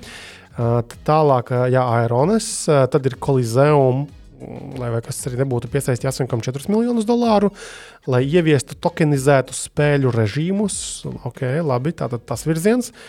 Un tad vēl arī Krista avota izdibinātais jaunu uzņēmums Salto X piesaistīja 5,2 miljonu eiro seed roundu, uh, lai uh, izveidotu attālināti strādājošiem darbiniekiem mm, draudzīgu alternatīvu akciju opcijām. Tas ir, tas ir tāda tēma aktuāla, kad uzņēmumi var nodrošināt daļas opcijas uh, saviem darbiniekiem. Un tagad ir būvēta kaut kāds risinājums cilvēkiem par šo visu. Tad, jā, tad tas, ko arī tu, man liekas, Henrij, vai, vai kurš tur sāk rakstīt, ka uh, šogad bija pārdots uh, Vendon, tātad digitālo maksājumu un telemetrijas jomas uzņēmums. Um, no no Baltkama, fu, Baltkapa un uh, draugiem grupu, jo tas bija viens no draugiem grupu uh, uzņēmumiem. Tas kopējais darījums tur bija uh, laikam 9,3 miljoni, plus kaut kāda mainīgā daļa līdz 4 miljoniem atkarībā no kādiem mērķu izpildē, ko viņi izpildīs. Tad tālāk ļoti interesants darījums bija tātad. Uh, Izrādās, ka Baltijas sludinājumu portālu grupa Baltic Classifieds, Classifieds Group ir iegādājušies Latvijas uh, platformu Geta Pro. Esat par tādu dzirdējuši? getapro.cl. Tur laikam dabū būvnieku, dabū santehniku. Meistars uh, izīrēt. Viņš kaut kāds tāds lohatrons tur ir. Jā, un arī... es, es, es vienreiz mēģināju, man bija viena lieta, viens uh, sas, sasists ekrāns jāsamaina. Uh, trīs mani nospamoja, viens acīm, vai divi no šiem trijiem acīm redzami piegā, bija iegājuši AliExpress un paskatījušies piegādes, jo abi pie, piedāvāja vienu un to pašu uh, dienu, kad varētu iespējams šo nelielo ekrānu nomainīt. Nu, tur tas viss tāds diezgan, nu, varbūt džeks, džeks ar kaut kādu gludekli, kas spēj atsildīt vaļā ierīci un, un pasūtīt uh, Amaz nevis Amazonē, bet šajā teleekspresī. Uh, kaut kādu ķīniešu ekrānu, nu, tāda, tāda, tāda tipa veida. Un tas, un tas ir man zini... viens gadījums. Es neesmu desmitiem uh, lietas tur pasūtījis. Un tu zini, pa cik viņu pārdeva? 1,6 miljonu eiro. Nu, ideja droši vien ir laba, bet tas, kas tur apakšā notiek, tas man nešķiet baigi labais. Bet tur arī tra trafiks nebija liels. Teiksim. Es skatījos tajā Similar web mājaslapā. Uh, jo par to Similara web es uzzināju, tāpēc, ka šodien mēs diskutējām Twitterī. Eh, šonadēļ mēs par to diskutējām, ka izrādās, ka kaut, kādu, kaut kādā griezumā uh, uz kaut kādu brīdi it kā jauns LV, ja tas ir tas kasjons, uh, ir uh, bijis lasītāks par Delfiem, nu, latviešu, Latvijas versiju. Es saku, kaut kādā griezumā, kaut kādā skatā, iedomājieties, kas, kurš to būtu domājis, ka kādreiz izteikti dzeltenais, man liekas, mēdījis tagad ir izrambājis Delfus, kas, man liekas, ir uh, klasis, kur, kur vēl klasiskāku ziņu portālu. Nu, Delfi, protams, sevi iegādājas. Māris, Māris ķeras pie mikrofona, aiziet! Jā, nē, zini, kā es, es, es arī redzēju Twitterī to diskusiju, ko tu pieminēji par Delfiem un Jauns LV. Nu, pareizi jau ir, ka Delfi ļoti daudz ko, ko cilvēku raksta. Delfi ļoti daudz ko ir ielikuši aiz maksas sienas, aiz abonēšanas sienas. Gribu saturu dabūt, tev par to ir jāmaksā. Un, nu, tas, kas mani pašu nokaitināja, vai par ko es tiešām sasmējos, viņi pat vienas preses konferences atšifrējumu bija ielikuši jau šajā maksas sadaļā. Nu, Džeki, sorry, tas man liekas smieklīgi un nu, nu, tiešām jau bēdīgi. Es saprotu, tiešām oriģināls saturs, tur intervija, vēl tur kaut kas. Kā, tu, kā, jūs domājat, kā jūs domājat, cik procentuāli no Delfu satura ir uh, aiz maksas sienas? Nu, puse, bet būsim godīgi, tas ir arī TVNets. Un TVNets ir baigi, baigi procenti? Šajā ziņā. Puse. Nu, 30. Māri? 5. Es arī teiktu, kaut kā 35, 40. Nu, 5%. Kā, tur, man, tur, man liekas, tas ir kaut kas tāds - 5%. Nopietni. nopietni to viņi paši saka. Jā. Nu, bļāviens, nu, ieejam tagad uzreiz uh, Delfos vai TV, ne tā, paskatāmies pirmos, nezinu, tur desmit rakstus. Nu, un cik cik tas, no tiem jā, ir aiz paywalla? Nu, droši vien būs astoņi. Mēnesi izlaistajiem rakstiem, piemēram, no tūkstošiem nu, jā, rakstiem. Vai, vai tajā mirklī, kad tev, jā, jā, bet vai, vai tajā mirklī, kad tev atjaunojās meteo ziņas, vai tas ir raksts? Viņi droši vien uzskata, ka tā, statistikai jā, bet vai mēs to uzskatām par rakstu? Nu, nē. Mēs tur gribam kapu detektīvu vai, nezinu, vai kaut ko no, no, no šiem jautrīšiem no ceha. To jau mēs gribam. Ne jau tur refrešojās, refrešojās meteo ziņas. Tas nav raksts. Nu, tā pareizi, ja Ants saka, tur jau saskaitās pilnīgi viss, gan tie padziļinātie, tur plašie, un vēl vis kaut kāda raksta, gan arī tāda plika ziņa, kur, nezinu, nokonstatēja faktu kaut kādu, nezinu, ar covid šodien nomira tik un tik cilvēku. Jā. Nu, šī tipa ziņas, kur, kuras tur arī ir. Un tad vēl ir tā viena strīpa ar ziņām, pārastajām plikajām ziņām, bez kaut kādas analīzes vai vēl kaut kā, kas nāk no leitas, kas arī ir nopirktas vēl no kaut kurienes tiek pārpublicēts. Nu, tu arī bāž zem paywall. Nē, nē, tas nē, bet tas, ka preses konferences par to es sadusmojos, es pat kolēģim tur Delfos jau to aizrādīju. Nē, nu, veči, nu, nopietni, nu, kas tas tāds. Bet tas ir normāli. Tādā ziņā, kad eh, dusmojas cilvēki, un, uh, jo tas ir ok, uh, bet skaidrs ir viens. Ja mēs redzam pēc tad mēs redzam pēc Delfiem. Būs vairāk satura aiz maksas sienas. Delfi paši saka, ka tur būs 10%. Nu, skaidrs, no kāda apjoma grūti pateikt. Bet, un, um, tas labā ziņa ir tāda, ka viņi to abonementu beidzot ir sakārtojuši. Abonementu, jo agrāk tur bija Delphi Business viens abonements, pēc tam kaut kāds tur MVP bija. Es biju apjūts. Es biju tāpat kā ar Latvijas televīzijām, kur bija pilna pakaļ ar televīzijām, un viens pats nezināja, kas ir kam priekš kam. Tagad ir viens Delphi abonements. Viņi gribētu, lai uz gadu nopērk, un tad vienkārši ielogojas un visu laiku tur arī esi. Bet realitāte ir tāda, ka visi šie te, nu, komerces režīmā strādājošie ziņu mediji Latvijā šļūks uz uh, maksas sienu uh, un uh, lēnā garā uh, tātad uh, Google reklāmas automatizētās uh, izēd viņus no reklāmu tirkus. Cilvēki tad uzņēmumi izvēlas reklamēties ar Google, jo viss ir ķipa lētāk, ķipa ērtāk. Tev ir viena platforma, nevis ar katru mēdīju to jādīlo atsevišķi, un tas ir tas, kas spiež meklēt citus variantus. Un vēl kas ir jāpiezīmē. Uh, latviešu valoda ir ārkārtīgi mazs tirgus. Un, uh, nu, mēs tādā mikro, nano skēlā to ar kursoru redzam. Nav nemaz tik vienkārši uzturēt darbību cilvēkus, kas, kas pelna naudu, uh, algas uh, rakstot, uh, satura gatavojot. Es domāju, ka Delfiem ir krietni lielākas izmaksas. Tas, tas, nav, tas nav ne lēti, ne vienkārši. Uh, un pie paywalliem būs jāpierod. Protams, tur ir realizācijas jautājums. Bet pie tā būs, diemžēl, jāpierod. Būs. Tad, kad mēs varēsim, es neesmu atbildējis, tad, kad mēs varēsim uh, veltīt tik daudz laika, lai ģenerētu analītisku, interesantu saturu ar pievienoto vērtību, tad un tikai tad mēs liksimies aiz uh, sienas. Nu, ja vien nekas nenomainīsies. Bet pagaidām, šīm par reklāmām automātiskām, kāpēc viņi no Google, nu kā viņi taču paņems kaut kādu šito publisheru, kas darbojas ar reklāmām, viņš ieliks automātisko reklāmu. Viņi vienkārši Delfos izliks, nu, tā tas eh, nenotiek. Tad jau pie lielam vien īsti jau Delfiem tādā ziņā nekas nemainās. Main, mainās, tā, mainās tā naudas daļa, ko tu dabū. Tu, protams, mm -hmm. tu vari Delfos griezt arī Google reklāmas, nu, atsensi. Jā, ja? nu, mm -hmm. uh, bet, un, uh, bet tad lielu daļu savāc uh, no šīs daļas uh, Google, nu, kā starpnieks. Mm -hmm. Standarts nu, starpnieku biznesa. Un tur tas, tas cepiens arī bija, kad uh, Google taču nemaksā par šīm reklāmām nodokļus Latvijā. Nu, tas, tas, tā nav vienkārši tēma. Vispār vajag kādreiz paaicināt kādu no TVNT vai Delfiem uz podkāstu un parunāt par šo tēmu. Man liekas, tā ir fantastiska, laba tēma. Šodien varbūt Mārcis gribēja kaut ko pateikt, vēl mazliet uz. Uh... Jā, nē, zinu, kā es par tiem paywalliem. Nu, es arī, ja tur ir tiešām labs saturs, arī Delfos TVNē, tā ir tiešām daudz foršu oriģinālu satura, kur ir uh, žurnālisti ir ieguldījušies un ir interesanti. Bet arī pat laikā tur arī ir kaut kāda sava daļa, kaut kādu tulkot rakstu. Man bija pavasarī kaut kāds viens piemērs tāds arī par tām pašām naftas cenām, ko mēs jau tur sākumā runājām. Ka bija raksts Delfos, kas bija aiz paywalla ielikts, un es to tieši tādu pašu rakstu, pilnīgi vārds vārdā, gandrīz tikai angļu valodā lasīju Financial Times kādu nedēļu atpakaļ. Tupa iztulkots raksts un ielikts aiz paywall. Nevis tur atsaucoties uz to, ka tur Financial Times tur raksta to un šito, un pēc tam tur kaut kā pāranalizējot plašāk un tālāk. Vienkārši tupa iztulkots. Mm. Nu, nu, par, ne, protams, nu, forši no vienas puses, ka vispār ir kāds kaut ko pacenties iztulkot, bet uh, vai tas ir jāliek paywallā?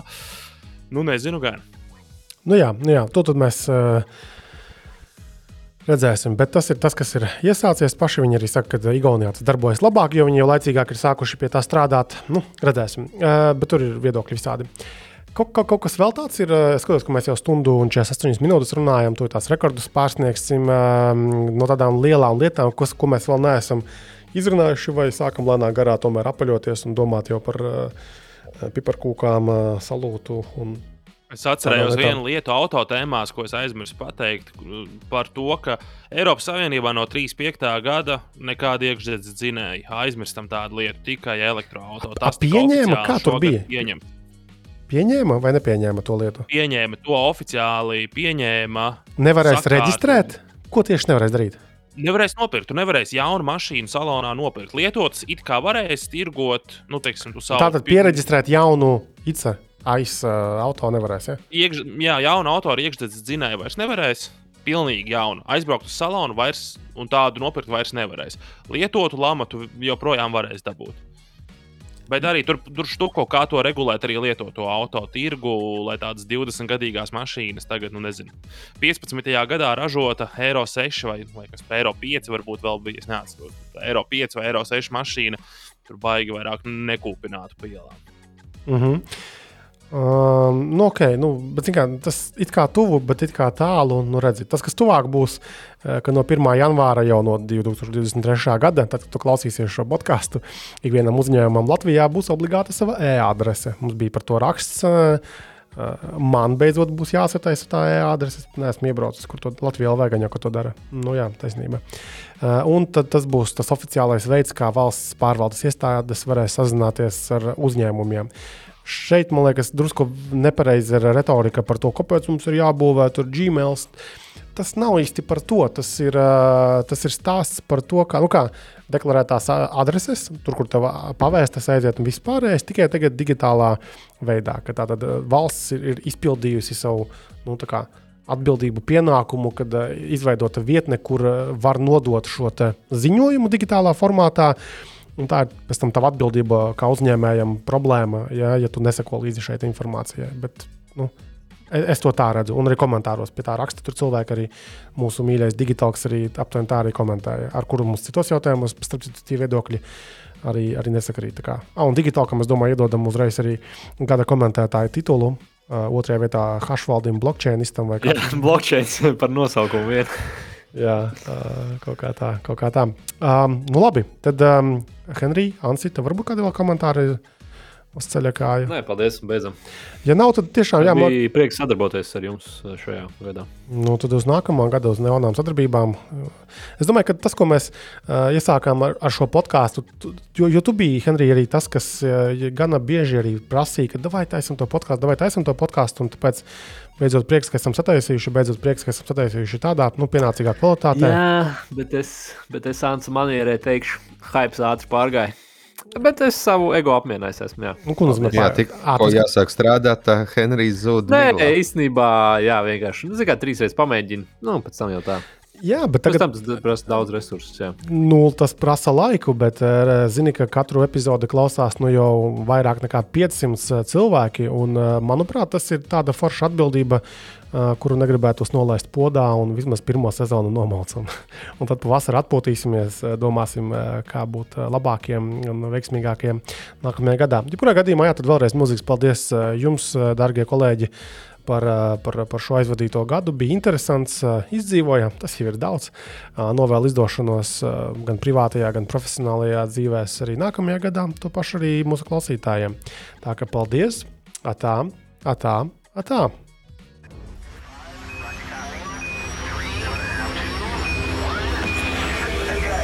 Ko kursors tev neraksta?